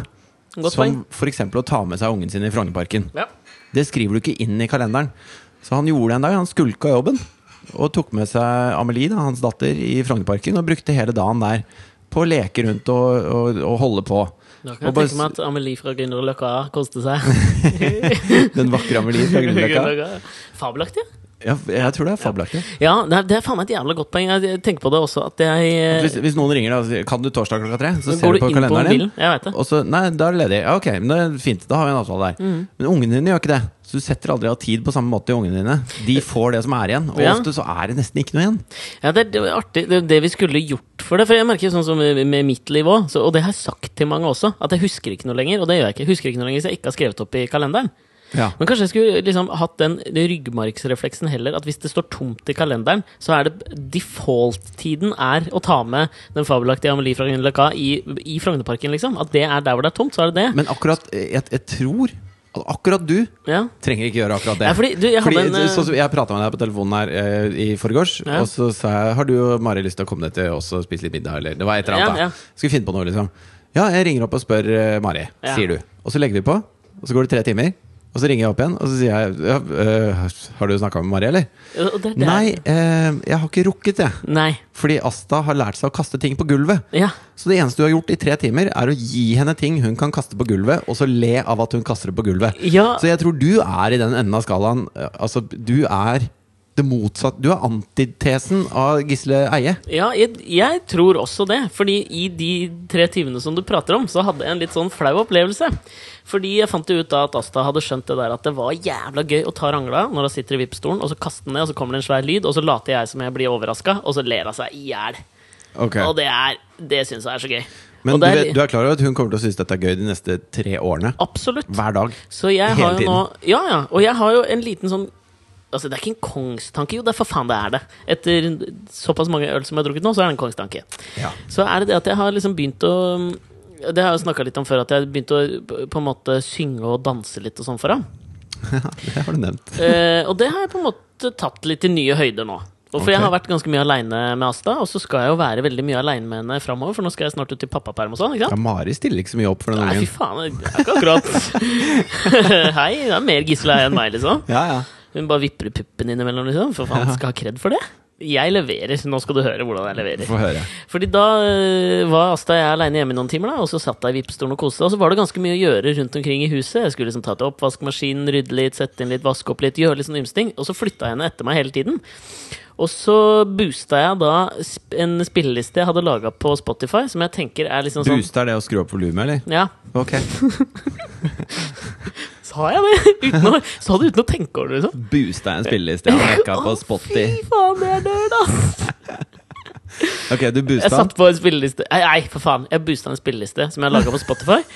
Hvor, som jeg har liksom egentlig skreddersydd litt til henne. Som er klassiske pop- og rockelåter eh, som jeg mener hun bør ha hørt, liksom. som hun må få inn med morsmelka. Definitivt. Ja. Og jeg har jo ikke morsmelk, så da gjør jeg det gjennom dansen og sangens eh, intravenøsitet. Så jeg Du hadde, gjør det gjennom det, det ene sanseapparatet Stevie Wonder har igjen. han ser ikke dansen, da. Det er det som er så jævlig synd. Nei, men han hører det. Det Ja, det er sånn stomp, ikke sant? er det. Og så bruker jeg kroppen mye. Ja, ja. Men det som eh, jeg, altså, Og så er- var det jo så jævla varmt den dagen. Jeg fortalte når jeg var med på blindeaerobic.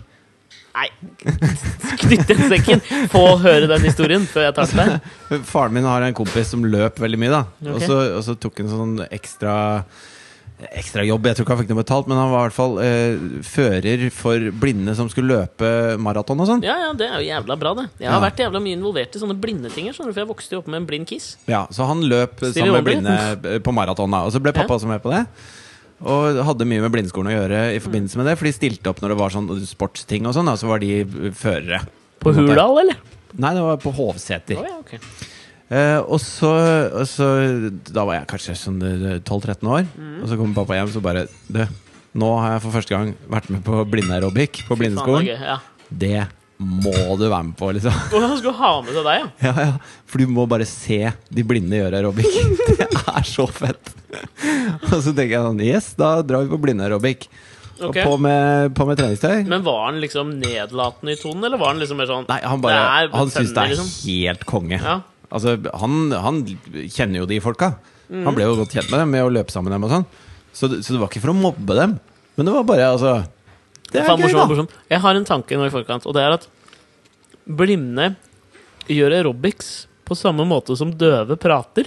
Ja, det Skjønner er, du? ja, men det er litt sånn. At det er liksom dansebåten. At det blir Og så sånn og så stiller du også enorme krav til aerobic-instruktøren. da. «Ja, Hvordan faen gjør du det, da? Og så var det en sånn svensk dame, ikke sant. Så setter hun på That's Why We Pray da med MC Hammer, for eksempel. Jeg husker ikke hva det var. Call On Me med han der løken med den der sexy musikkvideoen. Ja, det, det kan godt hende. Eller noe Kanskje noe Ace of Base, Ace of eller base, I saw the sign Ja. And it opened up my Fortsett. Ja, for hun prøver da å forklare, ikke sant? Så eh, Høyre armen opp mot venstre, opp mot ut, høyre, høyre, og så Ja, for det går jo snakker fort. hele tida, ikke sant? Ja. Opp med bena, høyre, fø- sparka ut til høyre også, og hit og dit, og opp og ned. Og så gjør hun liksom sånne repetitive bevegelser. Ja. Og vi, vi ser jo at hun gjør det hun sier. Men så er det jo helt frislepp på kroppsdeler rundt hos de blinde. Og de står og ler og skjønner at vi er ikke innpå noe i det hele tatt. Liksom. Ja, Men de fordi- bare ja. sparker og slenger ut med alt og hodet fram og tilbake og bare koser seg glugg i Å, hjel. det er herlig. En sånn helt ektefølt måte å nyte musikk på. Ja, ja. Fordi at det, hun står og prøver å forklare, og det, du skjønner at alle prøver, men det Nei. er ingen som er i Langt unna. nærheten av å få det til. Jeg tror nok det kan være litt sånn der Så da har jeg holdt på å mase da, med alle tinga. Fordi det, det var Det var så jævlig varmt, ikke sant? Så jeg gikk i bokseren hjemme. Og så hadde jeg alle vinduene i hele stua og kjøkkenet åpne. Og der har vi jo åtte vinduer ikke sant? ut mot Markveien. Så naboene de ser inn. Og ute i parken bak Pauluskirken, der hvor jeg bor, vet du, så ligger det jo jævlig mye folk. Og de ser faktisk også inn i stua vår. Ja, men det er ingen som ser opp, er det det? Bare vent. For jeg hadde jo boosta denne spillelista, og så tenkte jeg ikke så mye sånn over det. For at jeg, var, jeg, var helt, jeg var virkelig oppslukt i å underholde burgeren, liksom. Ja, ja. For det var jeg mer- Burgeren, burgeren. Burgeren er det du kaller dattera di. Ja. Katrine er så sur på det. Det er mange Du kan ikke gå og kalle dattera di burgeren. Har du sett deg, eller? ja, Du er en burger, ass. men når skal du slutte, da? Når hun er sju? Nei, Jeg tenker Når hun blir så sint at sinnet hennes kan få konsekvenser for samværsretten min med henne, da slutter jeg. Men når du kaller henne burgeren, og så sier hun 'kom av dvergen', liksom til deg, og så, så blir det bare ondere og ondere, dette her, da. Jo, men Det er, det er jo sagt med kjærlighet. Burgeren er jo noe kjempekoselig.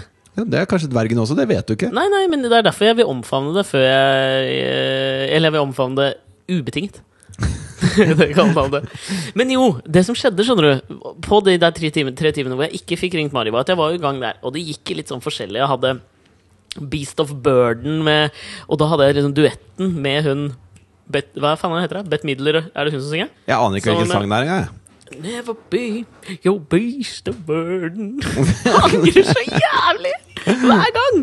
Men ok, så jeg spilte liksom den. Og, jeg, og når du på en måte gjør noe annet mens du synger og liksom henvender deg, så sto jeg liksom og rydda ut, så ble det liksom Altså, det kulminerte under eh, Rocks-låta til Primal Scream. Get your rocks on, get, your rocks on. For der er det sånn oppbygning mot at han synger det refrenget, ikke sant? Ja. Og jeg var, og så var jeg liksom bøyende, og du må jo huske at jeg har jo på meg da bokser, bare bokser. Bare og bokser. Alle vinduene står helt åpne, og jeg har ganske Selvfølgelig. høy lyd på. For jeg, Asta Ja, du har jo relaterte til det, boost liksom. den. Ja, boost Du har den. boost den. Og Da var jeg veldig usikker på hvor høyt kan man ha det for kiden, liksom. Men det, Nei, du kan booste den. du kan booste, liksom. Ja, og jeg begynte jo å bli svett, svetten rant, så den grå bokseren var jo full, den var jo liksom mørkegrå blitt. Og Asta satt der, og allerede da skjønte hun Jeg er så stolt av faren min. Jeg tror hun var det! Ok. For hun lo og lo og lo og koste seg. Og så kommer da Rox eh, med Primal Scream, og da er jeg liksom i den nederste avdelinga på oppvaskmaskinen og skal sette inn, så jeg sitter liksom på huk og setter inn noe greier. Ja. For da sitter jeg liksom og vugger litt sånn fram og tilbake og synger til henne, som sitter rett borte på kjøkkenet. Danser du litt sånn sexy dans? Nei, men det kommer til Fordi Og så liksom sånn Det kommer litt Så kommer liksom oppbyggingen på refrenget, og så er jeg liksom på hook. Så det jeg gjør da, er at jeg liksom sånn krabber som en panter, på en måte. bort mot henne. Og liksom Og så når jeg kommer bort til henne, så tar jeg tak i henda hennes, og da kommer liksom refrenget, og så synger vi liksom sammen. Get your rocks, up, get your... Og så syns jeg det var kjempegøy, og så tenkte jeg det var jo litt rart å gjøre. Og så ser jeg opp. Ja. Og da ser jeg jo rett ut av det borteste kjøkkenvinduet. Og der står naboen min, altså vis-à-vis, sammen med tre andre, og ler seg i hjel. Og filmer med mobilen, ass! ja, men det skal du være stolt av. Nei, vet du hva, jeg er litt stolt av det. Ja, så det tenkte skal jeg, du være og så skal jeg være stolt såpass narsissistisk at jeg også tenkte på YouTube-captionene som gjør at jeg kom på Ellen DeGeneres Show fordi de har lagt ut. The world's greatest dad? Spørsmålstegn.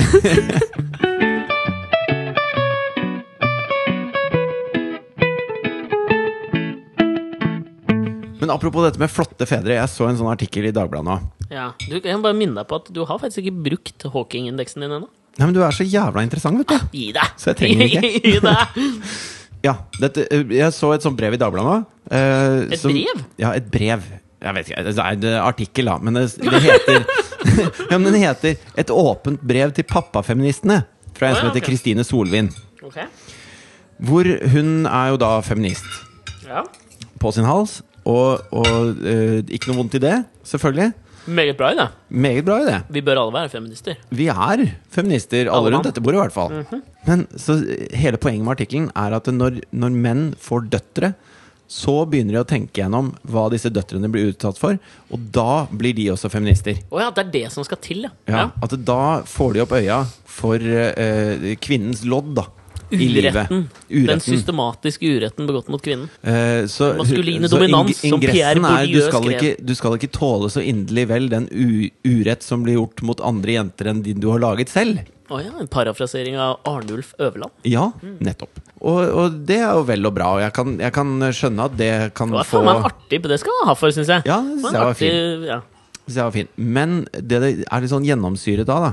Er det forskningsbasert, det hun sier, eller er det liksom bevist Nei, at man det- hun henviser ikke til noe for, liksom hun, at- hun mener det. Ok. Og så sier hun da, så avslutter hun med Så, så tilgi meg hvis jeg ikke applauderer og er stum av beundring for at dere nå er feminister.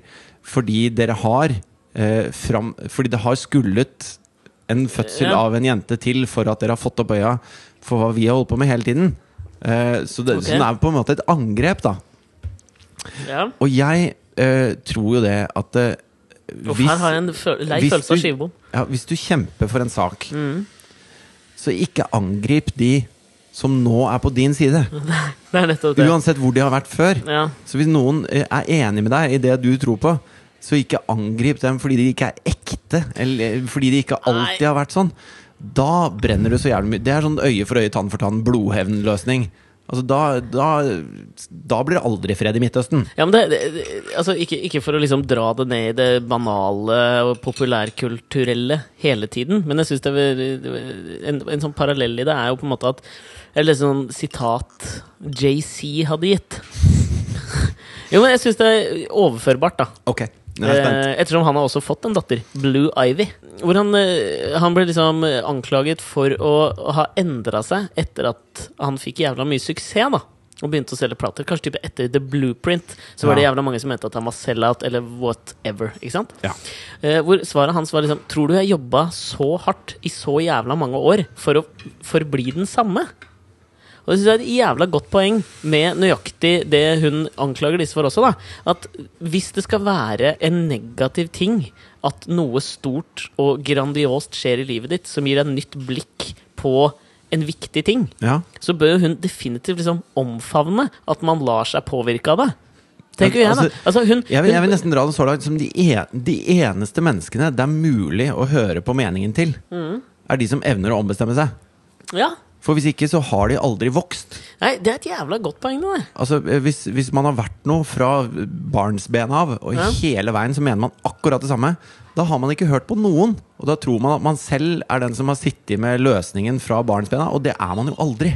Ja, men, og det er et jævla eh, Hvis vi skal dra det tilbake til Trygve Madder Fows Hegnar, da. For han er en sånn type som ikke har den evnen i seg. da Ja, ja. Hvis du føler behov for å gi ut 'Hva var det jeg sa?' Hvis du, har- sier- hvor mange år er det han har vært redaktør av Kapital? Liksom? Nei, det, vet er jeg ikke, ganske mange år. Men jeg er ganske overbevist om at han har ikke gitt ut hver eneste leder. Nei, i det er boka, det Hva var det poenget. jeg sa? Og- og det er- Han har jo plukka de som passer, plukka de som ble riktige, på en måte. Ja, ikke sant? Og det er jo liksom Så hvis du sier jævlig mye, da, ja, og skriver ned alt du sier, så kan alle gi ut boka 'Hva var det jeg sa'? Man skal skrive sitt liv. Var ikke det Hans Jæger og Christiania Bohemen? Var ikke det man sa? Og det, og det, er, jo, det er jo sånn at eh, det er, man skriver jo historien i ettertid. Man Ja. bestemmer selv hva som blir historien. Og det var, det var gjort sånn eh, portrettintervju med meg mann nå. Hva?! ja. Hæ, var det det? Hvorfor har du ikke Hæ? Nei, jeg har ikke sett deg så mye i det siste. Du har vært i København og sånn. Ja. Ja, Det var eh, noe som het Øyeblikket, med øyeblikket som forandret ditt liv, da. Åh, Og det var- Tusen takk. Det var tre, du, Da var- du var traff ikke med meg. engang, du var Nei. ikke nevnt. Faen!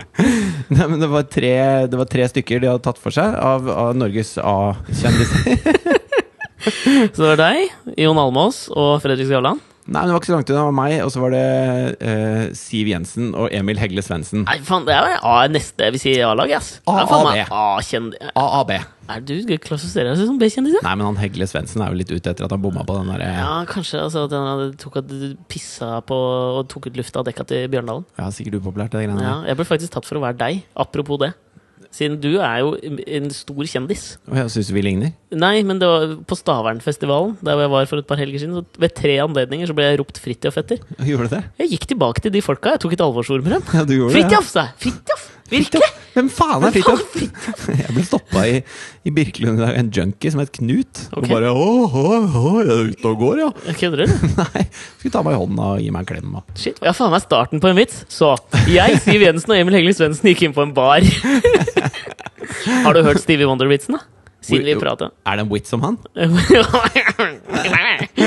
Stevie Wonder walks into a bar. Then he walks into a bar. Bare landsynken. Jeg tror jeg har dratt den før. Så du ble I hvert portrett... fall. Altså, jeg syns det er å ta i å si at du ble portrettintervjua av en mann Eh, Det var dobbeltside. med bare deg. Ja. Og så heter øyeblikket. ja. Øyeblikket som forandret ditt liv, liksom. Ok.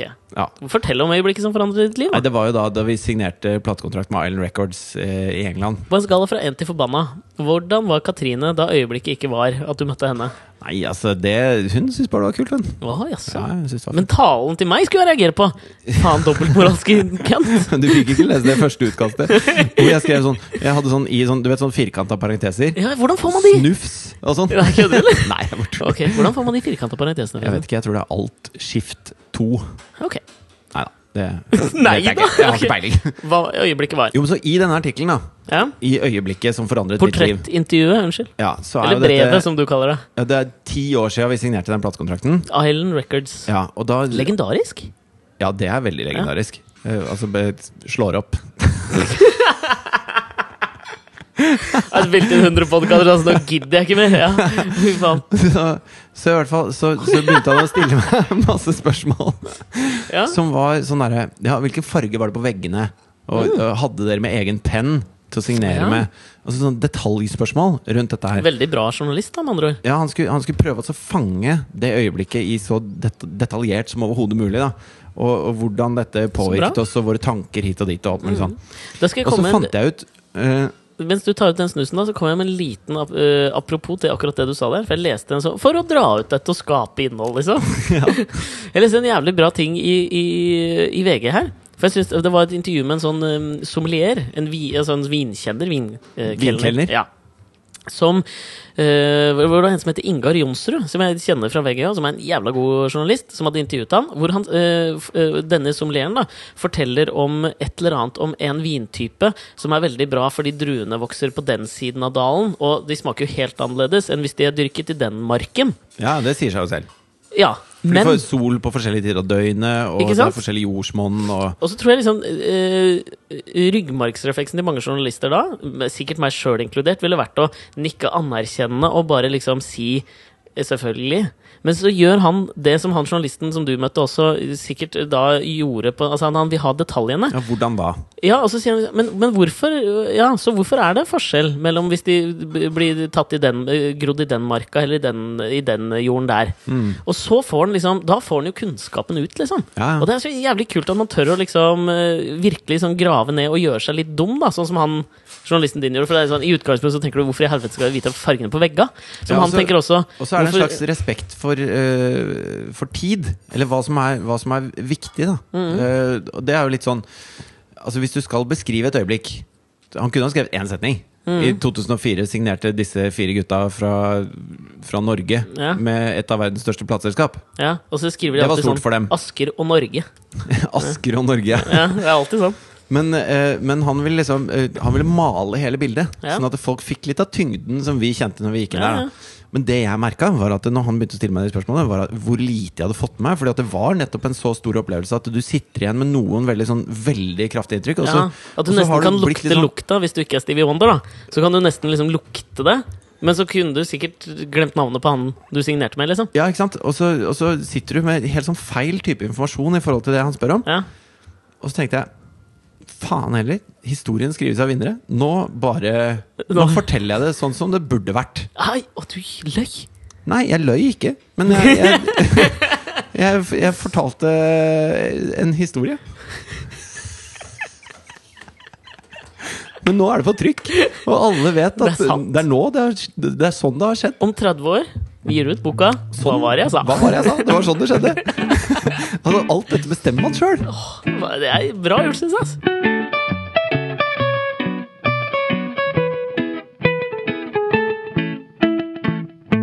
Jeg Skal jeg bestille meg en lettøl til, da? Tar en lettøl til. Du skal kjøre, vet du. Så det det er jo Jeg er jo dypt nedi Bastognes en saisonøl. Ja, Du begynner å bli litt pussa, du, rett og slett. Ja. Ja. Mm.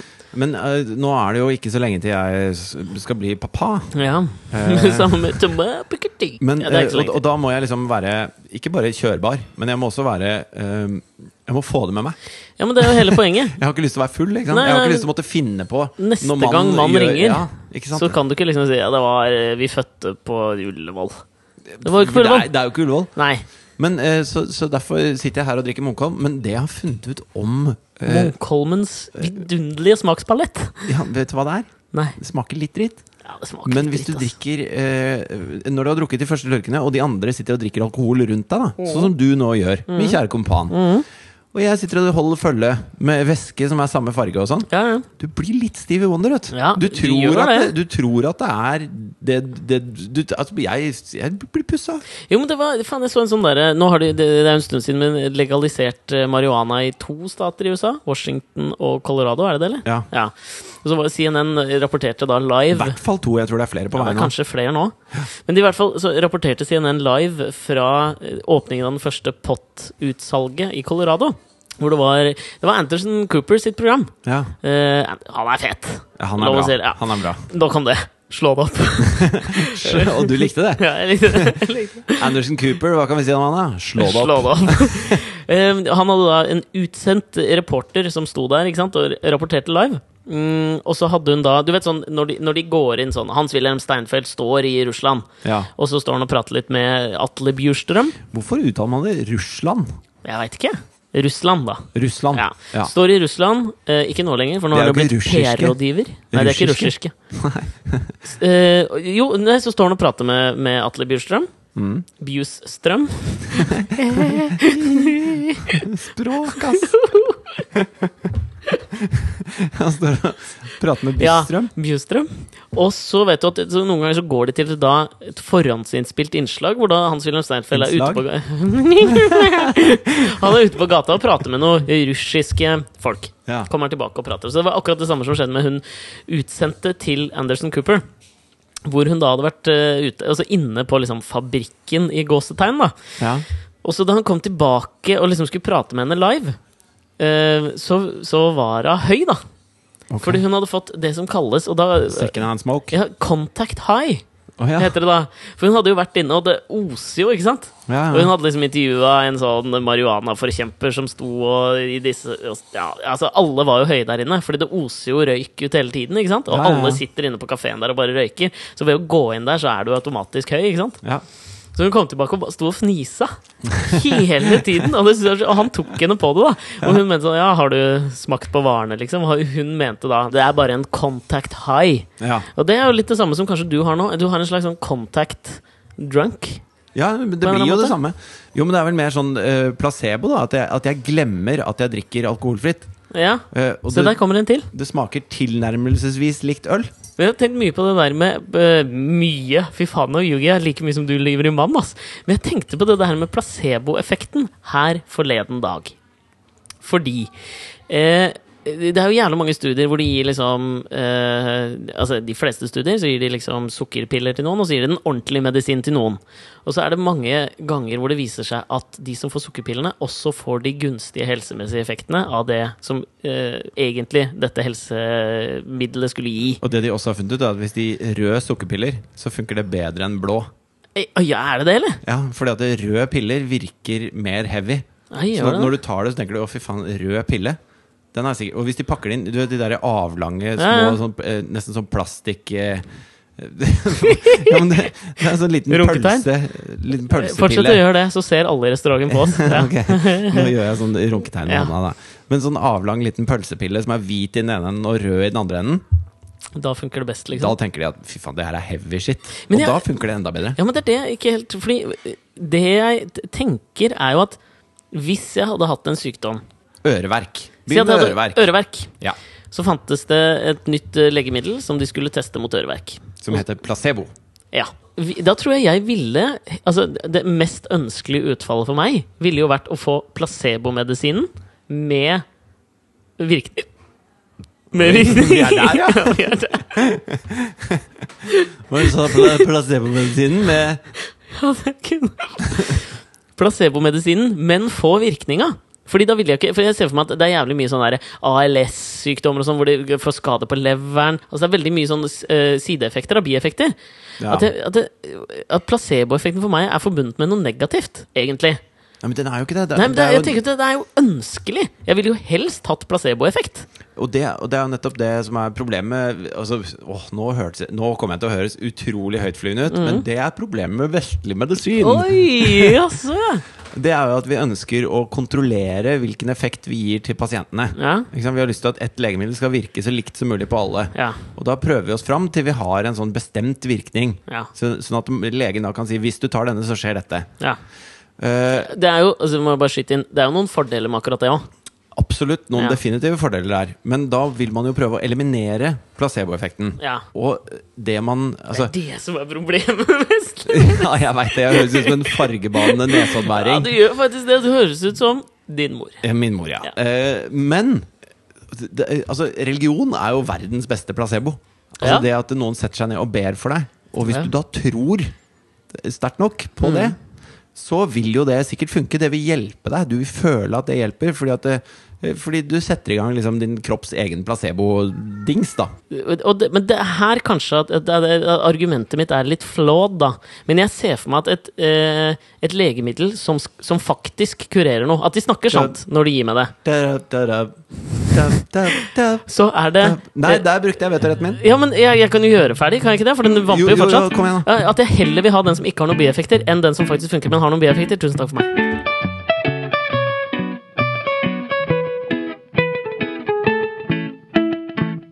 Og nå må du begynne å prate om noe helt annet. Jeg satt i en middag i går, og så begynte vi å prate Bra og start. høre på. Tusen takk. Ja. Bare vent. Bare vent. Skal jeg- Ah, Skål for den starten der. Vet du hva? Og du kommer, altså, den neste delen av den setningen Mm. kommer til å høres litt sånn ut som den vestlige medisintingen du sa i stad. Ok. Jeg satt i en middag i går eh, med noen kompiser, og så begynte vi å prate om å høre på Johan Sebastian Bach. ja, det er ikke kødd heller, vet du. Ok. Ja, det var seint på kvelden. Ehm, Jeg tror klokka var liksom rundt tre. Det var da vi bevegde oss over i Bachland. Ja. Hvor, eh, fordi han ene kameraten som jeg da spiste middag med, er en drivende dyktig musiker. Det er en fornøyelsespark Disney aldri kommer til å lage. Bachland. Skjer ikke, vet du. Her kan du gå inn i Leipzig-karusellen. Det skjer ikke. Ja, da- jeg er syv år, jeg har fått kreft, og mitt høyeste ønske er å dra til Bachland. Make a Wish Foundation. Ja. Hvor vil du da, gutten min? Til Bachland! Verdens dårligste fornøyelsespark. Men det vi kom til å prate litt om da, var jo selvfølgelig Johan Sebastian Bach. Ja, det går jeg da ut fra. Vi hørte på hans harpsichord-konserto i D minor BMW 1052, som er fantastisk Fader, flott. du driver og minker publikumsbasen vi har mulighet til å få her nå, altså. Jeg bare Sjekk ut Alex og Fritjofs podkast, da. Jeg satt sammen med venner her om dagen og hørte på Johan Sebastian Bach. Og da gikk diskusjonen automatisk litt over på Johan Sebastian Bach. Skulle hatt flere av de der vetorettene jeg akkurat brukte. Jo, men øh, Jeg tenkte litt på det i stad, skjønner du, da du ko- kom fram til det. at det liksom, Beklager, nå får vi altså Hva er det vi, hva er det vi får her nå? Gratinert taleggio på et um, vørterbrød, kan du si. Å ja. Vørterbrød? Ja, et brød som det er vørterøl i. Oi, Så deilig. Og litt nøtter og portvinsirup. tusen hjertelig. Å herregud, dette er Det var jævlig godt. Å, fy faen. Gratinert taleggio, ass. Det er sånn jeg kommer til å begynne å lage ostesmørbrødene mine i framtida. Hvis du, hvis du legger brødristeren på sida jeg som har fortalt dere, for faen! Er det det? Forskjellig Dritfart. til lytterne. Hvis du legger brødristeren på sida, så kan du ta noen skiver med Norvegia på. da Putt den inn i brødristeren, og så lager du ostesmørbrød. Trenger ikke varme ovnen. Kjempekjekt. Lifehacker. Nei, fuck me in the face, ass. det pleier du å si. Mm, Ja, det her er et bra kraftuttrykk, syns jeg. Ja. Nå booster pumpen litt.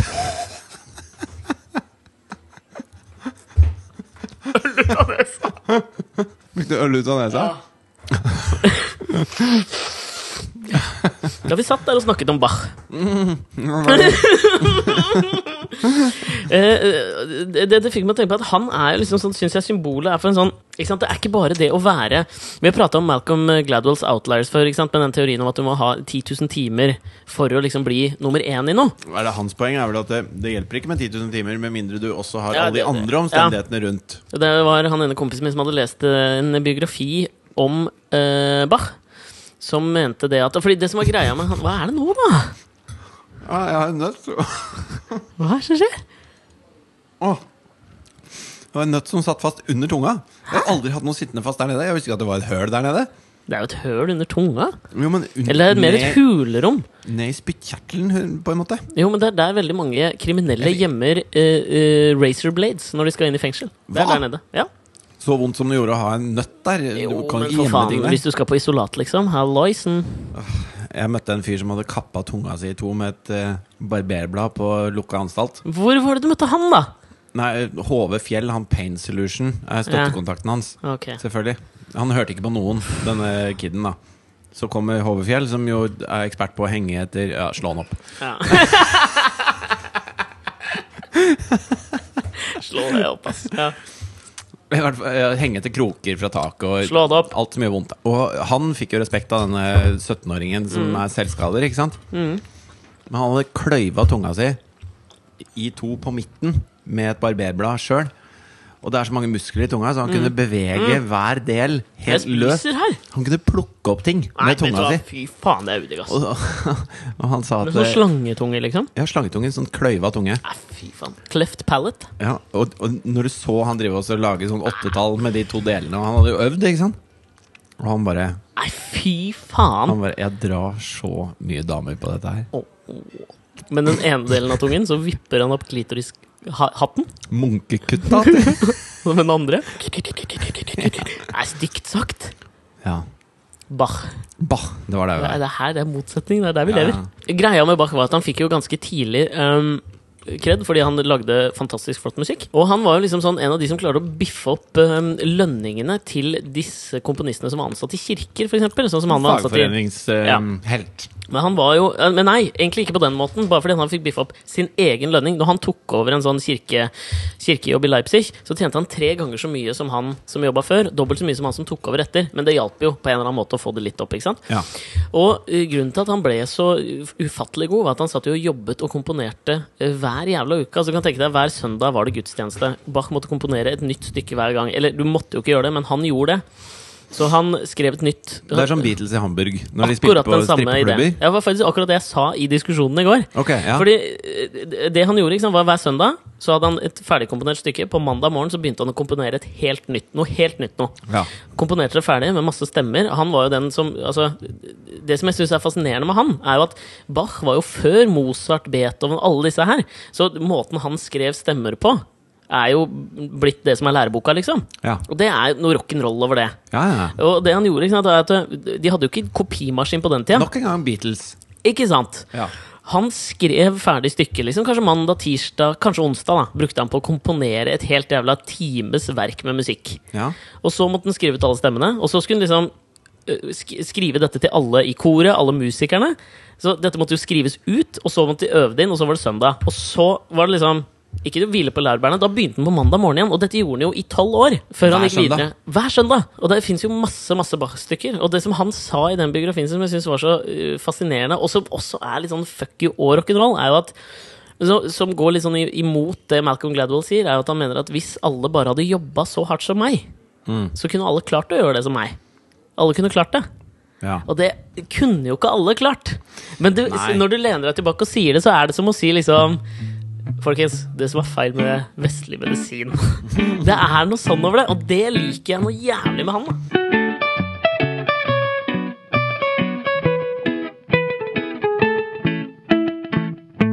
Nå er det dessert på bordet. Fy faen, jeg er så jævlig mett, ass. Har det så bra nå? Jeg syns vi skal begynne å runde av denne godsaken av et jubileum nå. Ja, nå skal jeg bare Og så- først smake på en, en dryppende, deilig Sjokoladefondans. smaski, som hun sa, hun Smaski? eh, svenske Stina, som Ja, Mm. er ja. vår kjære servitør her. smasker sjokoladefanan med roquefort. Ja. Det er en Smak, snodig først du. ingrediens å putte i dette her. Ja, for jeg tenkte såpass at eh, Hvordan smakte den? Ja, den var interessant. ok, nå må jeg prøve sjøl her.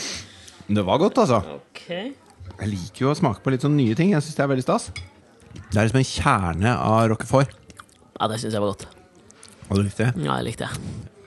Det er ikke Ble bare ikke roquefort oppfunnet på et slott som het roquefort Jo, det gjorde det. i Frankrike? Mhm. Hvor det satt fanger i sånne eh, Altså, de satt jo i fengselsceller, da. Fy faen. Apropos det, så du at de måtte bytte ut uniformene nå etter suksessen til Orange is the New Black? Nei. Fordi det ble liksom så kult å være i fengsel og ha på seg det oransje, så de må bytte ut til sånne gamle stripete med sort og hvitt nå. Og sånn Dalton-brødre Ja, ja, med- Det syns jeg er litt deilig. Ja, det liker er, jeg litt. det er litt mer fengsel over de der Ja, sorte og hvitstripede. ikke de DOC jævla trendy Ja, fortsett. Ja. Roquefort. Roquefort, ja.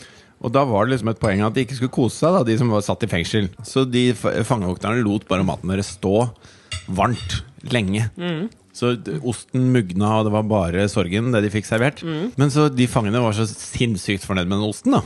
Som hadde mugna. Ok. Så det var sånn de oppdaget at Roquefort. muggost er noe som er kult Ja, å ikke spise. sant. Ja, men jeg synes vi runder, av- ikke sant? Dette er et, en tematisk reise. Akkurat som The Trip med Steve Coogan og Rob Brydon. Rent kulinarisk runder vi det da opp podkast 100 med noe rockefår. Og jeg syns det er så deilig at nå sitter vi da i bakevja av en femretter på smia på Vålerenga. Det er øl i glassene og nydelig, nydelig mat. Og vi har laget den lengste podkasten vi noensinne har laget. Det er podkast nummer 100. Ja.